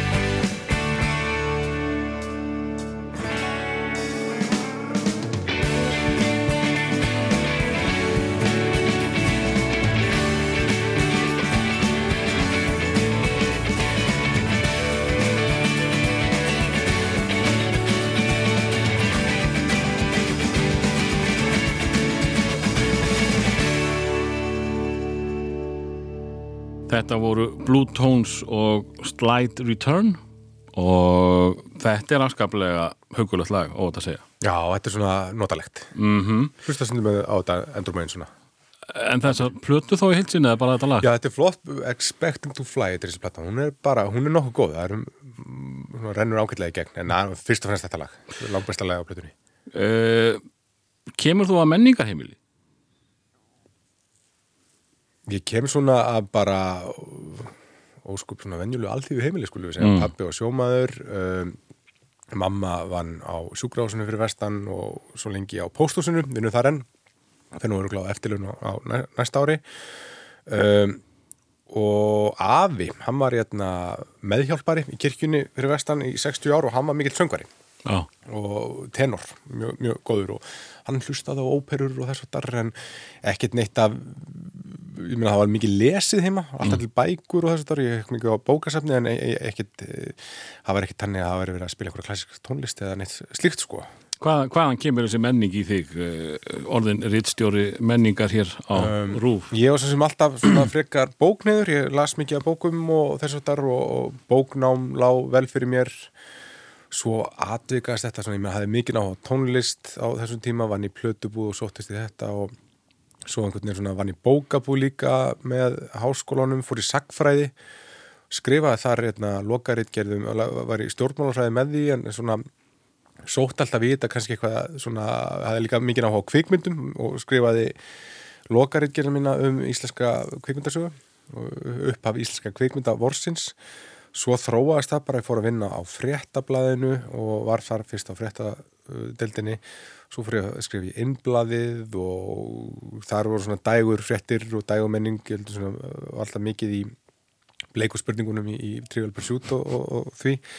Og svo þróaðist það bara einhvern veginn að, að því að maður hafði svona Þú byrjar í, í léttmeti og fórst síðan í harðarefni. Já, einmitt, það er svona Það er- er byrja- venjulega sagan. Já, byrja með fríkti og svo svona einhvern veginn dæmdist alltaf á mann sko að, hérna, ef þú hefur svona, ef þú vinnur á fréttastofum eða fréttadeldum og þú hefur svona almennan áhuga á menningu að þá dæmist það svo litið á þig að, að sinna þessu.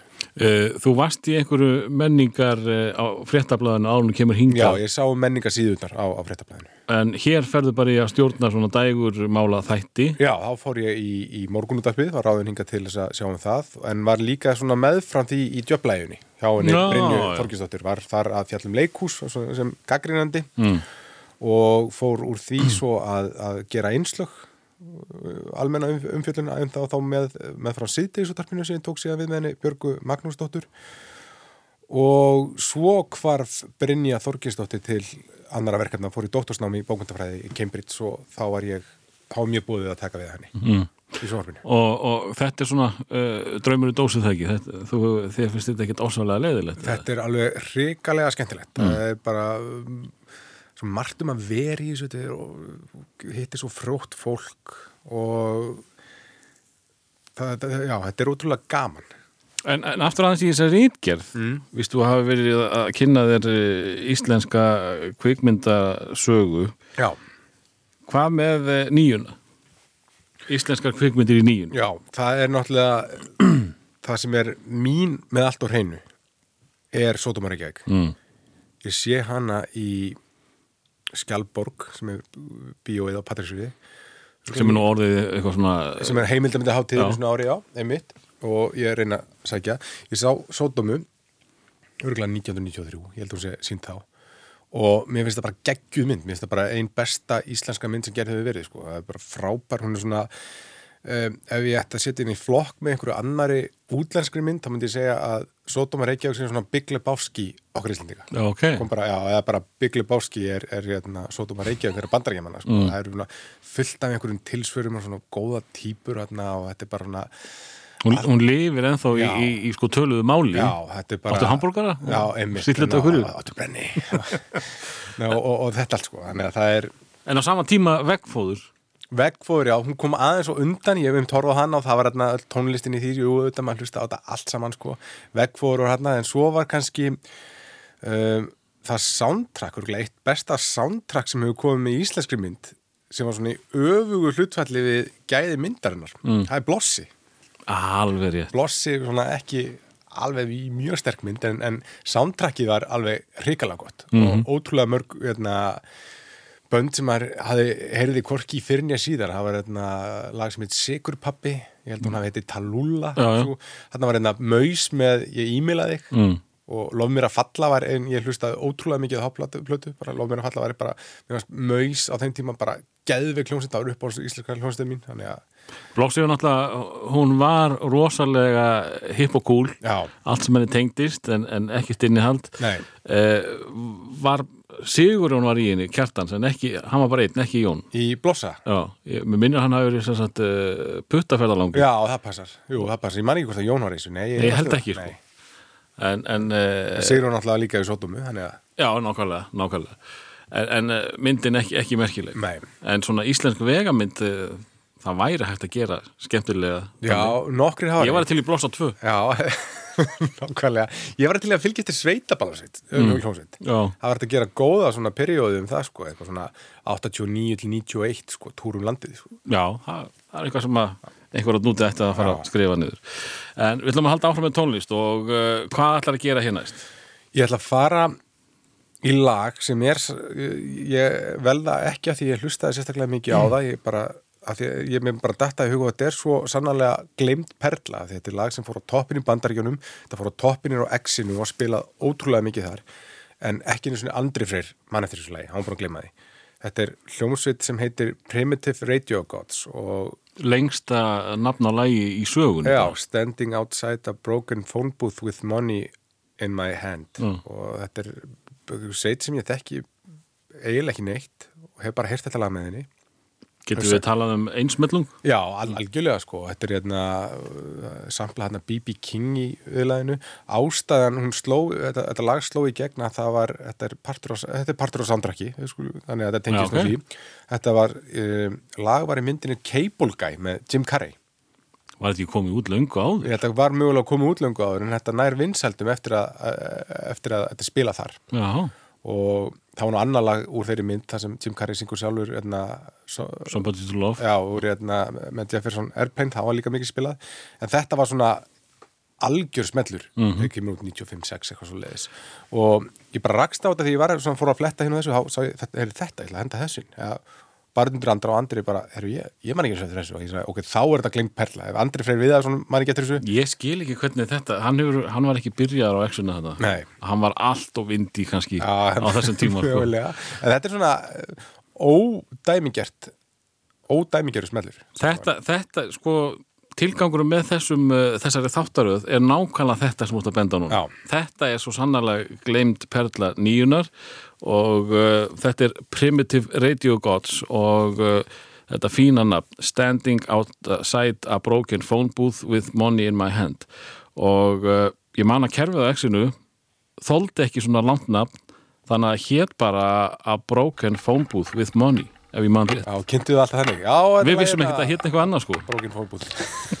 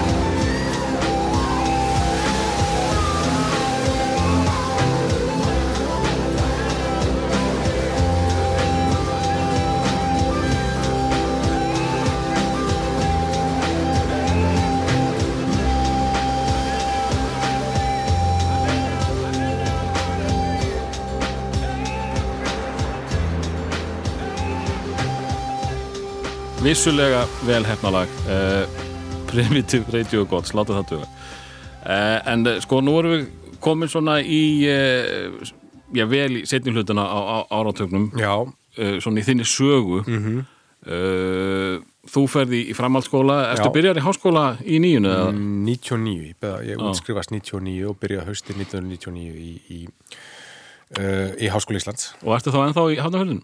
Nei, þá flytt ég frá frængu minni og komin í íbúð í Blesugróf sem ég leiði þarna og fór flutti það að sér á stúdendagaða sem ég var það sem eftirleiði um, háskóla gungunar og var að vinna þennan vetur 99 til 2000 þá var ég að vinna í mannstætti búð sem heit Samtónlist í kringlunni Nei. Það var, svona Já, átt að vera eitthvað svona risa Já, þetta var töff. Já, þetta Sambíón og þeir, sem, þeir, þeir áttu þetta sko Svali var eitthvað tegndur þessu ekki Já, hann mann nú ekki hérna en, en, en, Ég held að hann hafi tekið þátt í að, að að hanna eða, eða var svona eitthvað andlit uh, búðarinnar áður en hún fór í gang Já, sko. einmitt, en þarna var ég að vinna eitt vitur og hafði áður hafa vitur 98 til 99 verið að vinna í Japis á lögavi mm.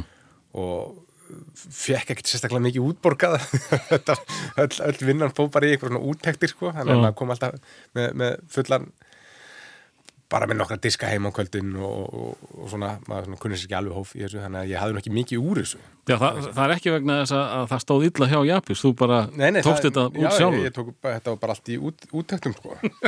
þannig að, að, já.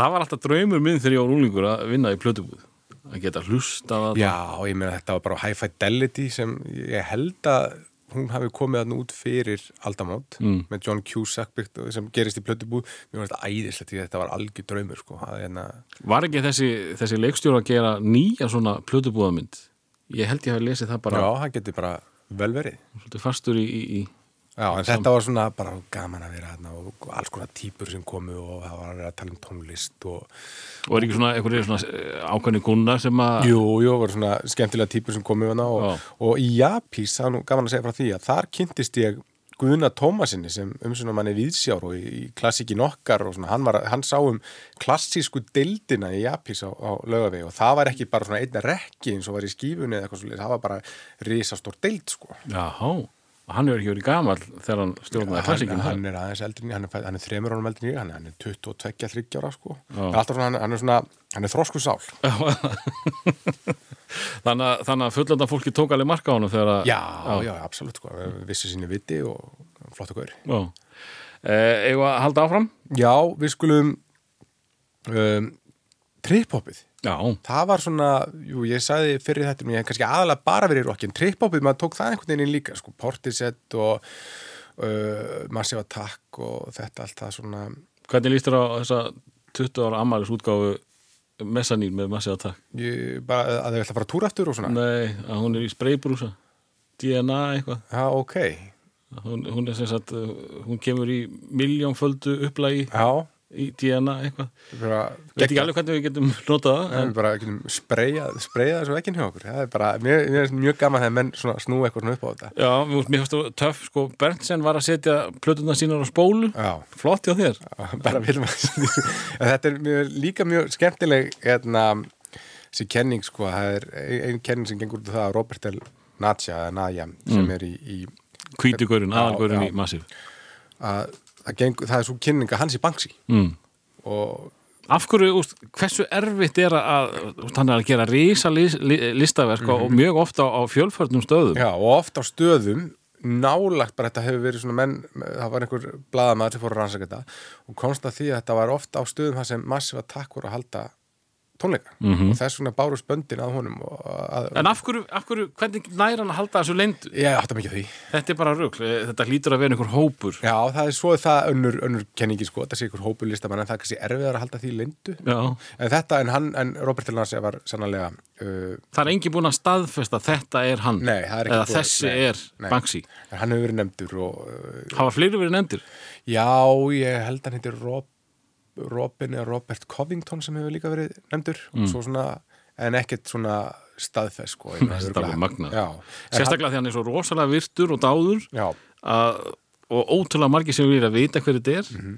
samt kemst hann upp með þetta. Já, það er alveg og að því þetta eru sko þetta eru, þetta, þetta eru, þetta eru stundum 10-20 metra verk sem hann er að gera. Já, já, absolutt sko. Það eru til myndir af hann þegar hann er að mála og bara það, það, það, ge- það gefið út og það er bara blörraður andliti á hann og svona. Það, er, það er alltaf að koma með já, það er eiginlega bara, er eiginlega mest afreki í þessu sko, hann hefði komist upp með þetta svona lengi.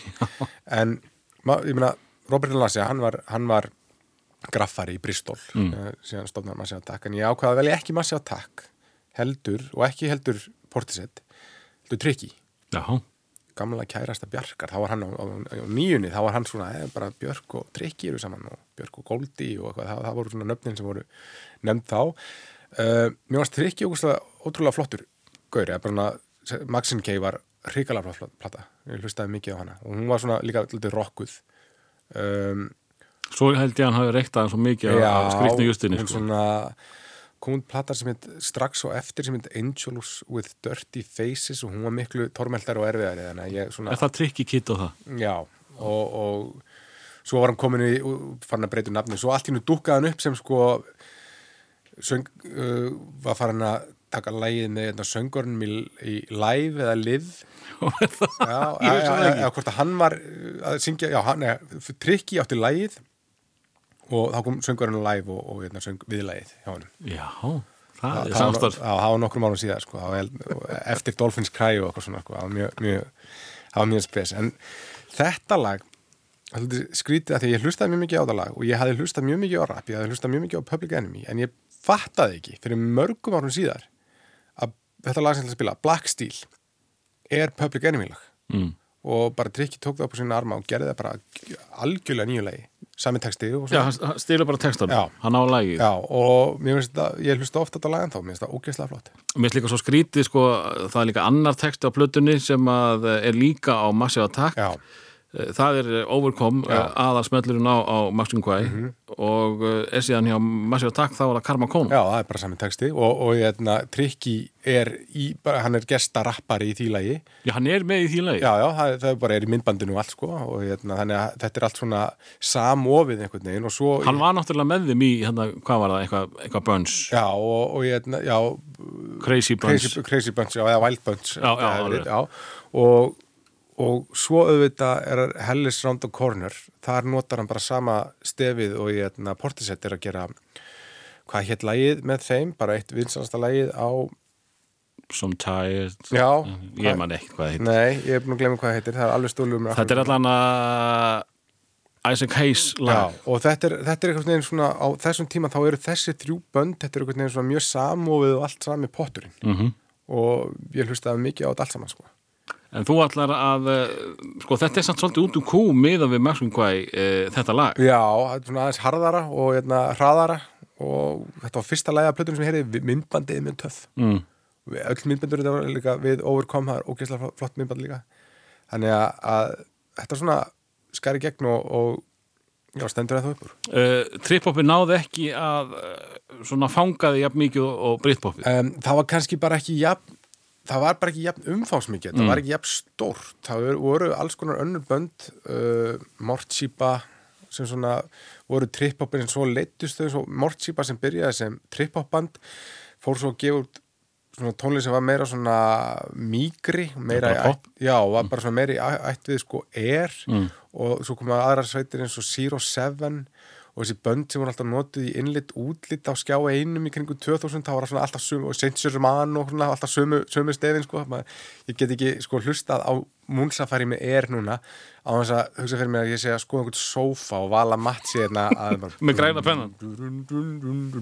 það er bara, já, það er bara einhvern veginn bara menn uh, ég var að gera, ja, Guðrún Sóli sem er að vinna með mér, hún var að gera einslaðan daginn um, um ljósahönnuð, breskan sem var að í heimsókn á Íslandi og hún er tíu árum eldingri ég, hún er, hún er eh, tæp, tæpum. Og hún gerir einslæði og svo hérna er ég að líta á einslæði eftir á og þá sé ég að hún er með fyrsta lagi að Moonsafari sem hún notar sem lag. Og, Langa instrumentalagi. Já, og hérna Jóhannes Tryggvason, klippari, Jósi. Ég segi við hann bara, herru, þetta er bara þá, hann var klippari á skjá einum. Og bara við hugsaðum nákvæmlega það sama, sko. Hann bara, já, bara við erum bara konir að skjá einum árið 2000 En við ætlum að hlusta á Black Steel. Já,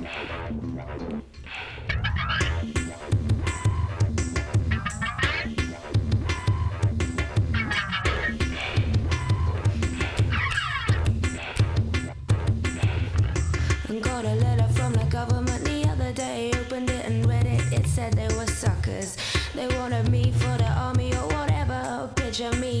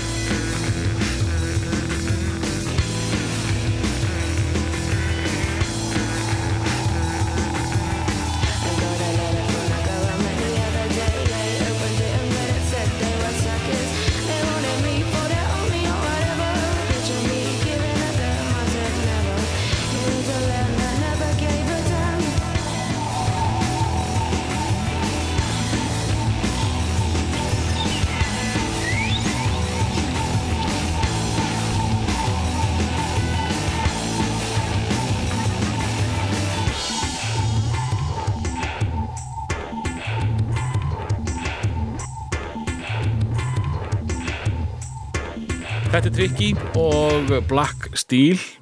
Mér finnst nú ekki nóg mikið gert úr uh, sko, hérna þætti Rökku Gísla á, á plötunni hans. Já, og, og sko, það, kannski, það var smáfrétt í gamla dag Mhm. uh, sko venjulega var þetta komið á fórsvíu morgunblassis ef einhver fekk uh, sko, einhver útl- útlendingu þefaði á Íslandingum já, en uh, það var smá saga þegar hún syngur heilt lag á þessari plötu og tekur þátt í öðru í rétt. Og það er bara farið, það er bara gleymt bara mjög magnað vegna þess að frábært lag. Já, Maxine K var bara einn rómaðasta bara plata ársins sem hún kom út sko, mm bara ofalega á öllum listum og bara þó- þótti bara svona mikið tímum út á verk. Og, og sko ekta íslýtingu myndi náttúrulega eigna sér þetta einhver tím sjálfsögðu sko. að að þetta sé sem sagt hálf íslenska platan uh, með, með trikki og auðvitað, eitthvað svona. Já, auðvitað. Bara Jakob Fríman ætti ég vel eitthvað í þessu sko. það er svona, þarna var hann, hvað, menningamálar á þeirra í London já, ekki? það er einna Dagur Gunnarsson sem er dagskrargerðar á Rás 1 kann frábæra sögu af því þegar hann bjó í London á tíundarartögnum mm. og var einhvern veginn að ringja ég held ég fari rétt með það að hann hafi verið að ringja og panta pitsu og bara ætlaði að ringja einhvern Dagur? pizzustað. já, dagur og hann ringir og það er bara það er svaraði, hello og, og hann segir, já, ég ætla að panta pitsu no, no, no, there seems to be a misunderstanding og, og þá segir hann, ó, bara I'm sorry, segir hann og svo spæður að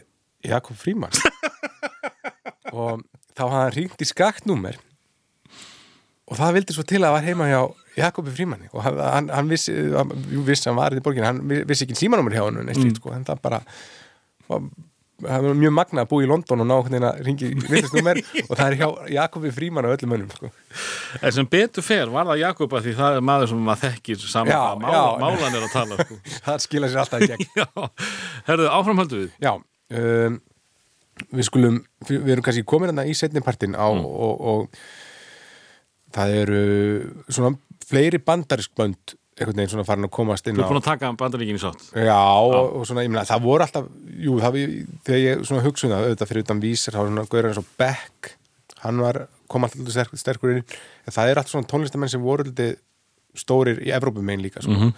Og svo var það hljómsveit sem ég heyrði í, sem náði mikil spilun í, í, á MTV og svona, MTV var alveg rosa stórt á þessum tíma, ég man þegar ég sá, hérna, Lady Safe með Gus Gus Gus á, Á MTV? Já, á, á, í þættinum Alternative Nation.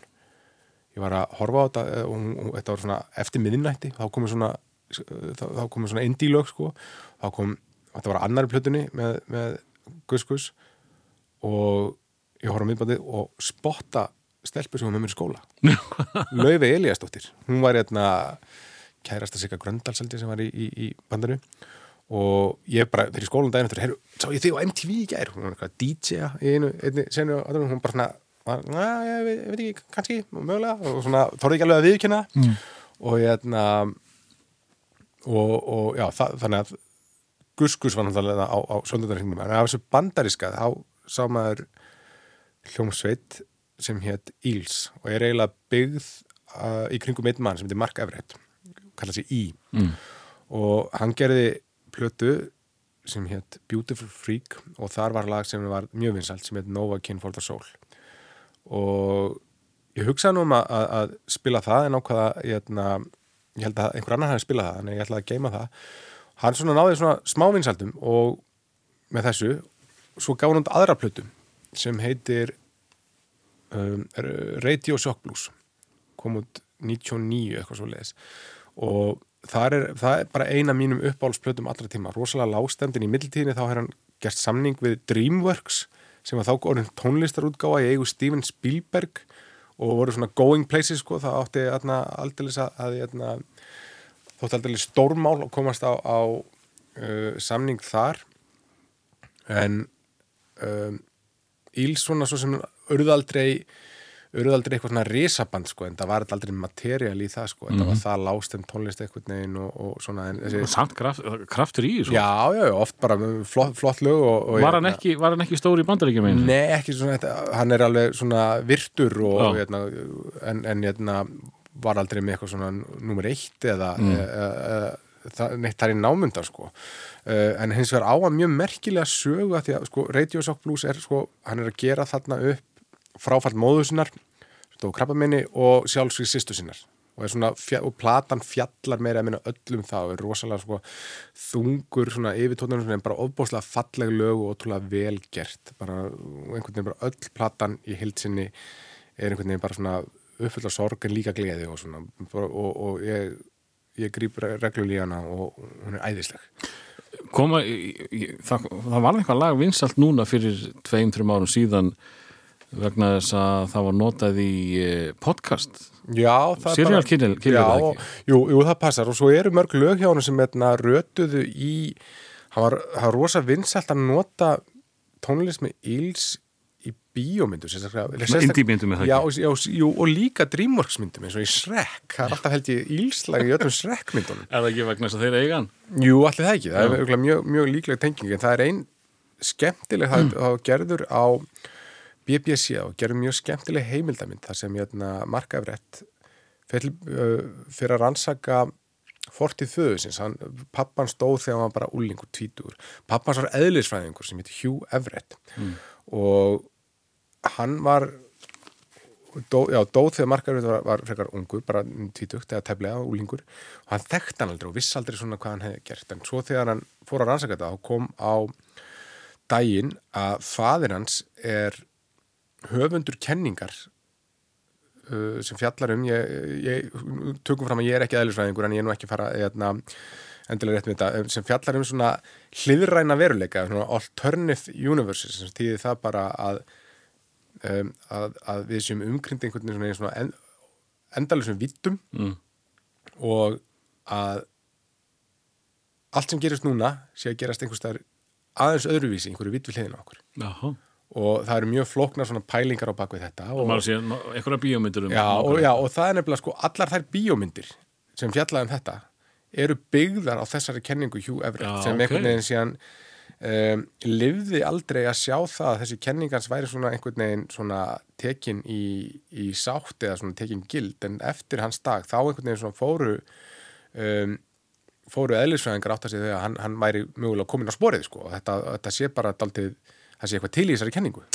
Vantarlega bara verið þá öskraði geðveikur Nei, alls ekki sko. Nei. bara, nei, nei, hann var bara eðlisfræðingur og bara me- menn svona átt eftir að kíkja betur var bara ekki þekktur og svona og fjall og snemma frá og, og svona, bara þetta eru vísindi eru bara opáslega svona hæg uh, fræðigrein, það er ekki eitthvað svona já, herru, þetta er fundið, við erum búinir að, við erum búin að opna þennan hlýrana veruleikan eitthvað svo leiðis en, en þessi kenninga, hann, og, og hann er orðið miklu stærra nafn í heimi eðlisfræðinar og það er til dæmis minnst á hann í hérna, Stranger Things. Þar er, þar er hann bara, það, það er tekið inn í það. Og þessi heimildamynd fjallar um sem sé þegar Mark Everett fer og bara uh, talar við samstarfsmenn og vini föðusins og svona kynnist föðusins þeir voru aldrei nánir og bjóða heimilinu honum en, en jæna, voru svona mjög far, fjarlægir.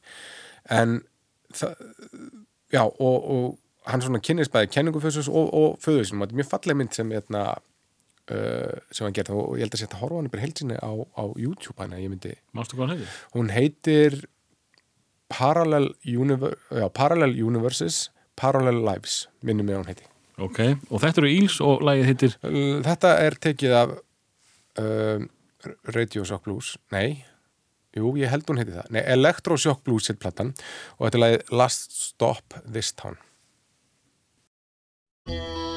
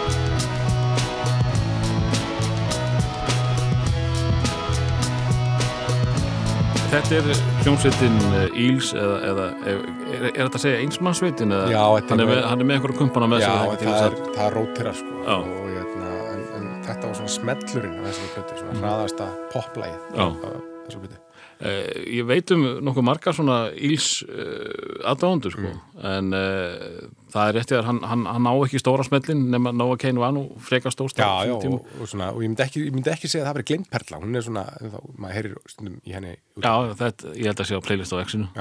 Þá, þá það ekki nei, uh, Nú líður á lokum. Já, og uh, það er loka söngurinn uh, hjá Bessanum já, um, ég ætla að taka fram, ég gerir mig grein fyrir því að það er ekki ein einasta kona uh, hafið upp raust sína í þessum dætti. Nei, þú, þú kannski, þú varst ekkert að pæli konum á þessum tíma Nei, að svona, jú, það voru, ég meina, hlustaði aðeins á P.J. Harvey, ég hlustaði á Breeders mm. og Cannonball, mér finnst það ógeðslega flott hún Breeders hún er mjög flott, hérna, Ég var nú að meina bara konum yfir höfðin allt í lagi já, nei, það er kannski svona, já, það kom setna, um, en, já, þannig að ég, Varst ekkert bjarkamaður? ekki þá, það kom setna, sko. Eh, ekki eins og síkumónumaður, þú voru ungur í það. Nei, já, það var bara svona, sigumólandir, bara rekína, það var náttúrulega, það var svona að, það aðgengilegasta, Mm. Það er ekki setna sem fer svona, já, þessum að fer að hlusta á, á þessar plötur svona í heild og svona, og Nú ertu, nú, nú ertu svo mikil menning, Mm. Bergsteinn. Eh, hvað finnst þér um, sko, ég elska popbjörg og fyrstu þrjár, fjóra plötunar eru pop, svo er hún komin eitthvað lengra og uh, ég myndi halda að uh, svona mjög menninga fólk væri að taka því opnum mörgum. Hva, hvað finnst þér um það nýjasta, uh, það síðustu tvær? mér fannst flöytu platan. Það- það er nýjasta platan. Já, hún, hún náði mér ekki ja, vel og, og svona margt annað sem hún gert. Það sem ég finnst ótrúlega björk er það hvað hún endur nýja sig mikið á milli platna og hvað hún hefur haldið sér sko á þessum, ég meina hvað, hvað er langt síðan hún fór sól og hvernig hvað debut? 91, 2 ég meina það eru 20, hún er búin að vera næstu í 30 ár sóló og er alltaf einhvern veginn jafn relevant. Mm. það er alveg saman hvað hún gerir, hún er einhvern veginn svona plötunar er ennþá ofalega á, á listum. Svona fyrir utan fyrstu plötuna þá er eiginlega alla plötunar á undan það má vel vera að svona flaututónlist verði rosalega inn eftir tíu Mhm. já, sko. já, en ég, ég er ekki það, hún hefur talað um það, hún, hún kallaði þetta í viðtali hérna, hún sagði að þetta var tinderplatan sín hún var svona einhvern veginn að vinnur ástarsorg og einhvern veginn svona að það var hérna platan undan já, það verður platan undan fyrir ekki þetta, þetta átti að vera ástaplatan Já, já, þannig að, að hún tekur svona, en hún er alltaf einhvern veginn svona, hún aldrei, endur tekur sér aldrei, uh, hvað hétt platan það sem Earth Intruders og, og það allt var á, það var sem, það sem mm. uh, þar notuði hún engungu, öll, öll hljóðin á plötunni voru bara svona framleita bara, Svona beatbox já, eitthvað, já, já. það var, hún var svona frábær, alveg geðveik, sko, og Og svo er, svo er hann að fá uh, einhverja braskjallur til þess að- túra með sér Já. uh, grænlenska kóra mér, mér, eitthvað sem að engum ditt í hug Nei, mér finnst hún ótrúlega töff bara allar þessar tilraunir sem hún gerir og nefnir, stundum virkar að stundum virkar ekki bara hún er ótrúlega svona, hugaður tónlistamæður og bara popbjörk eða ekki popbjörk, mér finnst hún bara frábær sko. mér finnst að það, mér, ég seti þetta allt undir sama hatt, sko. ég meina All is full of love, geðveikt myndband frábært lag mm -hmm. uh, allir það það eru örgulega svona á nýjun en bara ég, það er ekkert sem Björk gerir sem getur fallið svona til vísu ekki. þannig, að- það er hérna- náttúrulega vonlust að reyna að skella henni þennan þátt sko. en hérna, þa- þannig að að það er fullt þar sem maður auðvitað hlusta á sko. en af glemdum perlum jú, jú, kannski eitthvað Tori Amos en ég, mér finnst hún ekki glemd mm. þannig að mér finnst þessi nöfn Hún er líka búin að fá held ég tvö, þrjú Já. lög í, í seríunni þannig að geif eitthvað fyrir aðra Já, maður, Fiona Apple kannski Já, ég þekki hann ekki Nei, neitt sko. það, var eitthvað svona það var kriminal, það var eitt lag svona, en ég hlusta aldrei það mikið á það ekki svona eitthvað svona uh, indie country Jú, jú, eitthvað svona leið sko. en uh, síðasta bandi þitt Já. er uh, ég þekki, sýsti mín hlustaði mikið á Já. það uh, ég tengdi ekki Nei. en uh, ég þekki nafnið en ég gæti ekki þekkt þetta einasta lag Nei, þetta er hljómsveit sem ég fór ekki að hlusta á fyrir ná hva, á, á ásnum á fyrsta áratug bara eftir aldamót þegar ég voru en sem er kallar það núluna já, bara já, nú- núllunni og, hérna, komin í háskólan og, og Þá þarfstu nú að vera í einhverju þungu og svona. já, já, hérna, orðin sakfræðinemi og hérna, drekka rauðvín og eitthvað svona Það er rauðin í þessu. já, já, heldur betur rauðvín sko. þá rekst ég á Kammer Popsveit frá Nottingham, Tindersticks og sem hafi verið bara hennar þessi plata sem er bara samnend sveitinni fyrir hennar fyrsta verk fáránlega löng, 70 okkar mínútur bara þá tókuður allt sér stefni og bara hugsaðu bara, við erum ekki vissum um aldrei eftir að gefa plötu aftur. Þannig að við skulum bara taka allt sem við eigum og bara gefa það út. 11 manna band svona, kamer, það. já, kam, var þá sko. Það Já, er það fullt af einhverjum skrýttum Já, fagbotum og... fiðlur, já, fagott og bara lokala plötunar bara fagott og fiðlur sko, ógeðslega flott. Það, þetta hefur þá vantanlega verið tvöföld plata. Já, ég, gerir, sko, ég átti bara diskinn. Já. þannig að ég gerir ráð fyrir hún að koma út tvöföld á, á, á vínilin þetta er að því og, og þetta var svona mjög vinsalt í MH á þessum tíma, það var MH típurnar sem, sem hlustu á Tindersticks Það var ekki verið að vera með trefil eða Nei, nei, nákvæmlega. Og þetta er algjörlega og en svo fór ég að hlusta á þessa plötu og bara um, allan, allan nýjuna gera Tindersticks ekki eina einustu slæmum plötu og allt sem hefur komið eftir á það, það hefur svona kvarnast úr bandinu, þeir eru færður enn, enn að. Mm. heldur sér bara orðin fjóri núna eitthvað, þrýr, þrýrjabel og það hafa gert kvikmyndatónlist og svona. Ekki, ekki allt sem hefur verið jafn stert og jæna, það fyrsta sem kom frá þeim en þeir hafa aldrei gefið út lélega plötu. Og það er bara svona alltaf magna á þessum bara á næstu 30 árum að hafa ná, náð því sko, þeir eru alltaf eitthvað svona heillandi við það og söngvarinn Stuart Staples svona, svona heillandi nefnmæltur einhvern veginn, svona, svona skemmtilegu tónn í Sko, það sem er minnir getur að verið að hann syngi eitthvað í áttina að national söngvarum. Já, kannski Já, já, en hann er aðeins nefnmæltari sko. þannig að ég, ég myndi held að þeir. Já, ef þú fílar National þá ættir að tjekka Tindersticks sko, mm. þess að þeir eru bara og bara stundum sum- sumar instrumentalplötur bara margt ógeðslega flott þarna Eru þeir að gefa þetta instrumentalplötur líka? Já, það verður kvikmyndatónlist og þess að sem hefur komið út líka þannig að það er alveg maður er bara, það er svona glamrað í, í, í rauðinsflöskunum í MH-partíunum undir, undir þessu öllu saman sko en hérna ég hlusta ennþá ofbáslega mikið á þessu hljómsveit bara, bara svo margt sem kom á þessum tíma þá fór allt inn að koma eldra efni sem ég hafði ekki svona gefið sérstaklega mikið gaum sko Tom Waits og, og þetta sko þetta var svona sem er Er þetta gátt inn í Tom Waits? svoleiðis? ekki kannski gáttin kom svona á sama tíma Já, og já. þá er svona alls konar svoleiðis hérna, uh, já, ég til dæmis tek Tindersticks alltaf fram yfir Nick Cave sko, það Mm. það- mér, mér finnst það, það betra. Og, og hérna já, þannig að, að, og þetta svona hefur alveg lifað áfram. Ég fylgir svona alltaf þegar þeir eru að gera eitthvað þá svona reyni ég að, að bera mig eftir því. Uh, af því sem að þú hefur bóð upp á í, í, í þættinum uh, ef að ég ætla að fara núna á Spotify Mhm.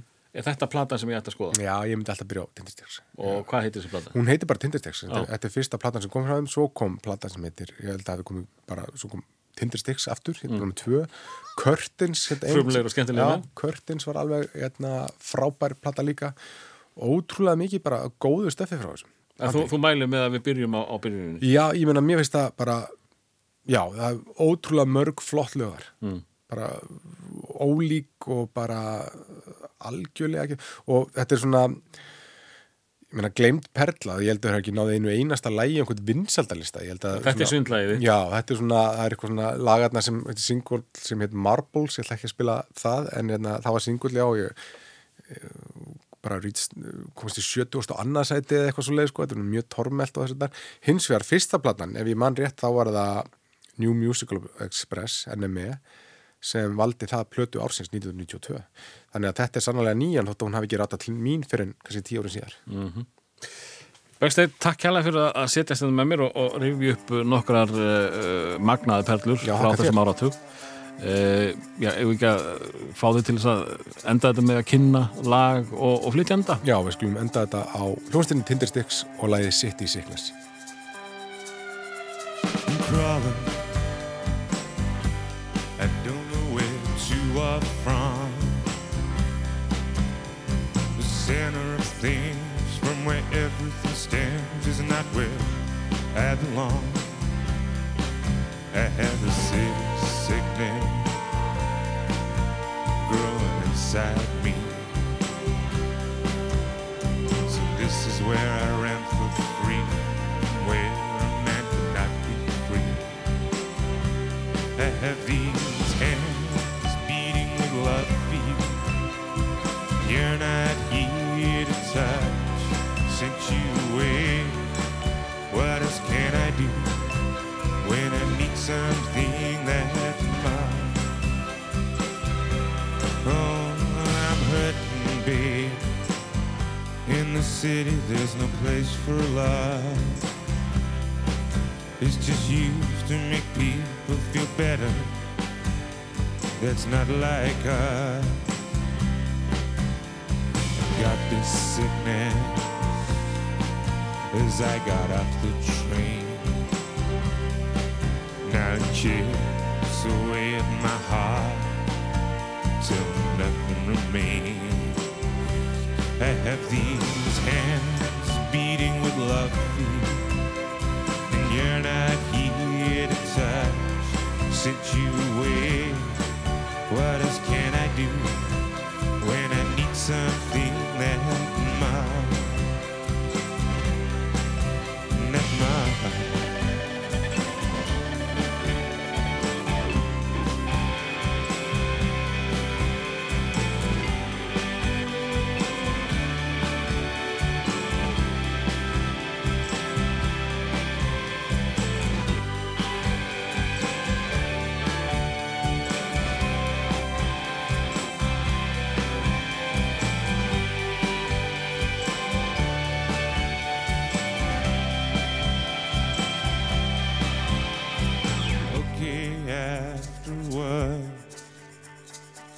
Afterwards, less for minutes only.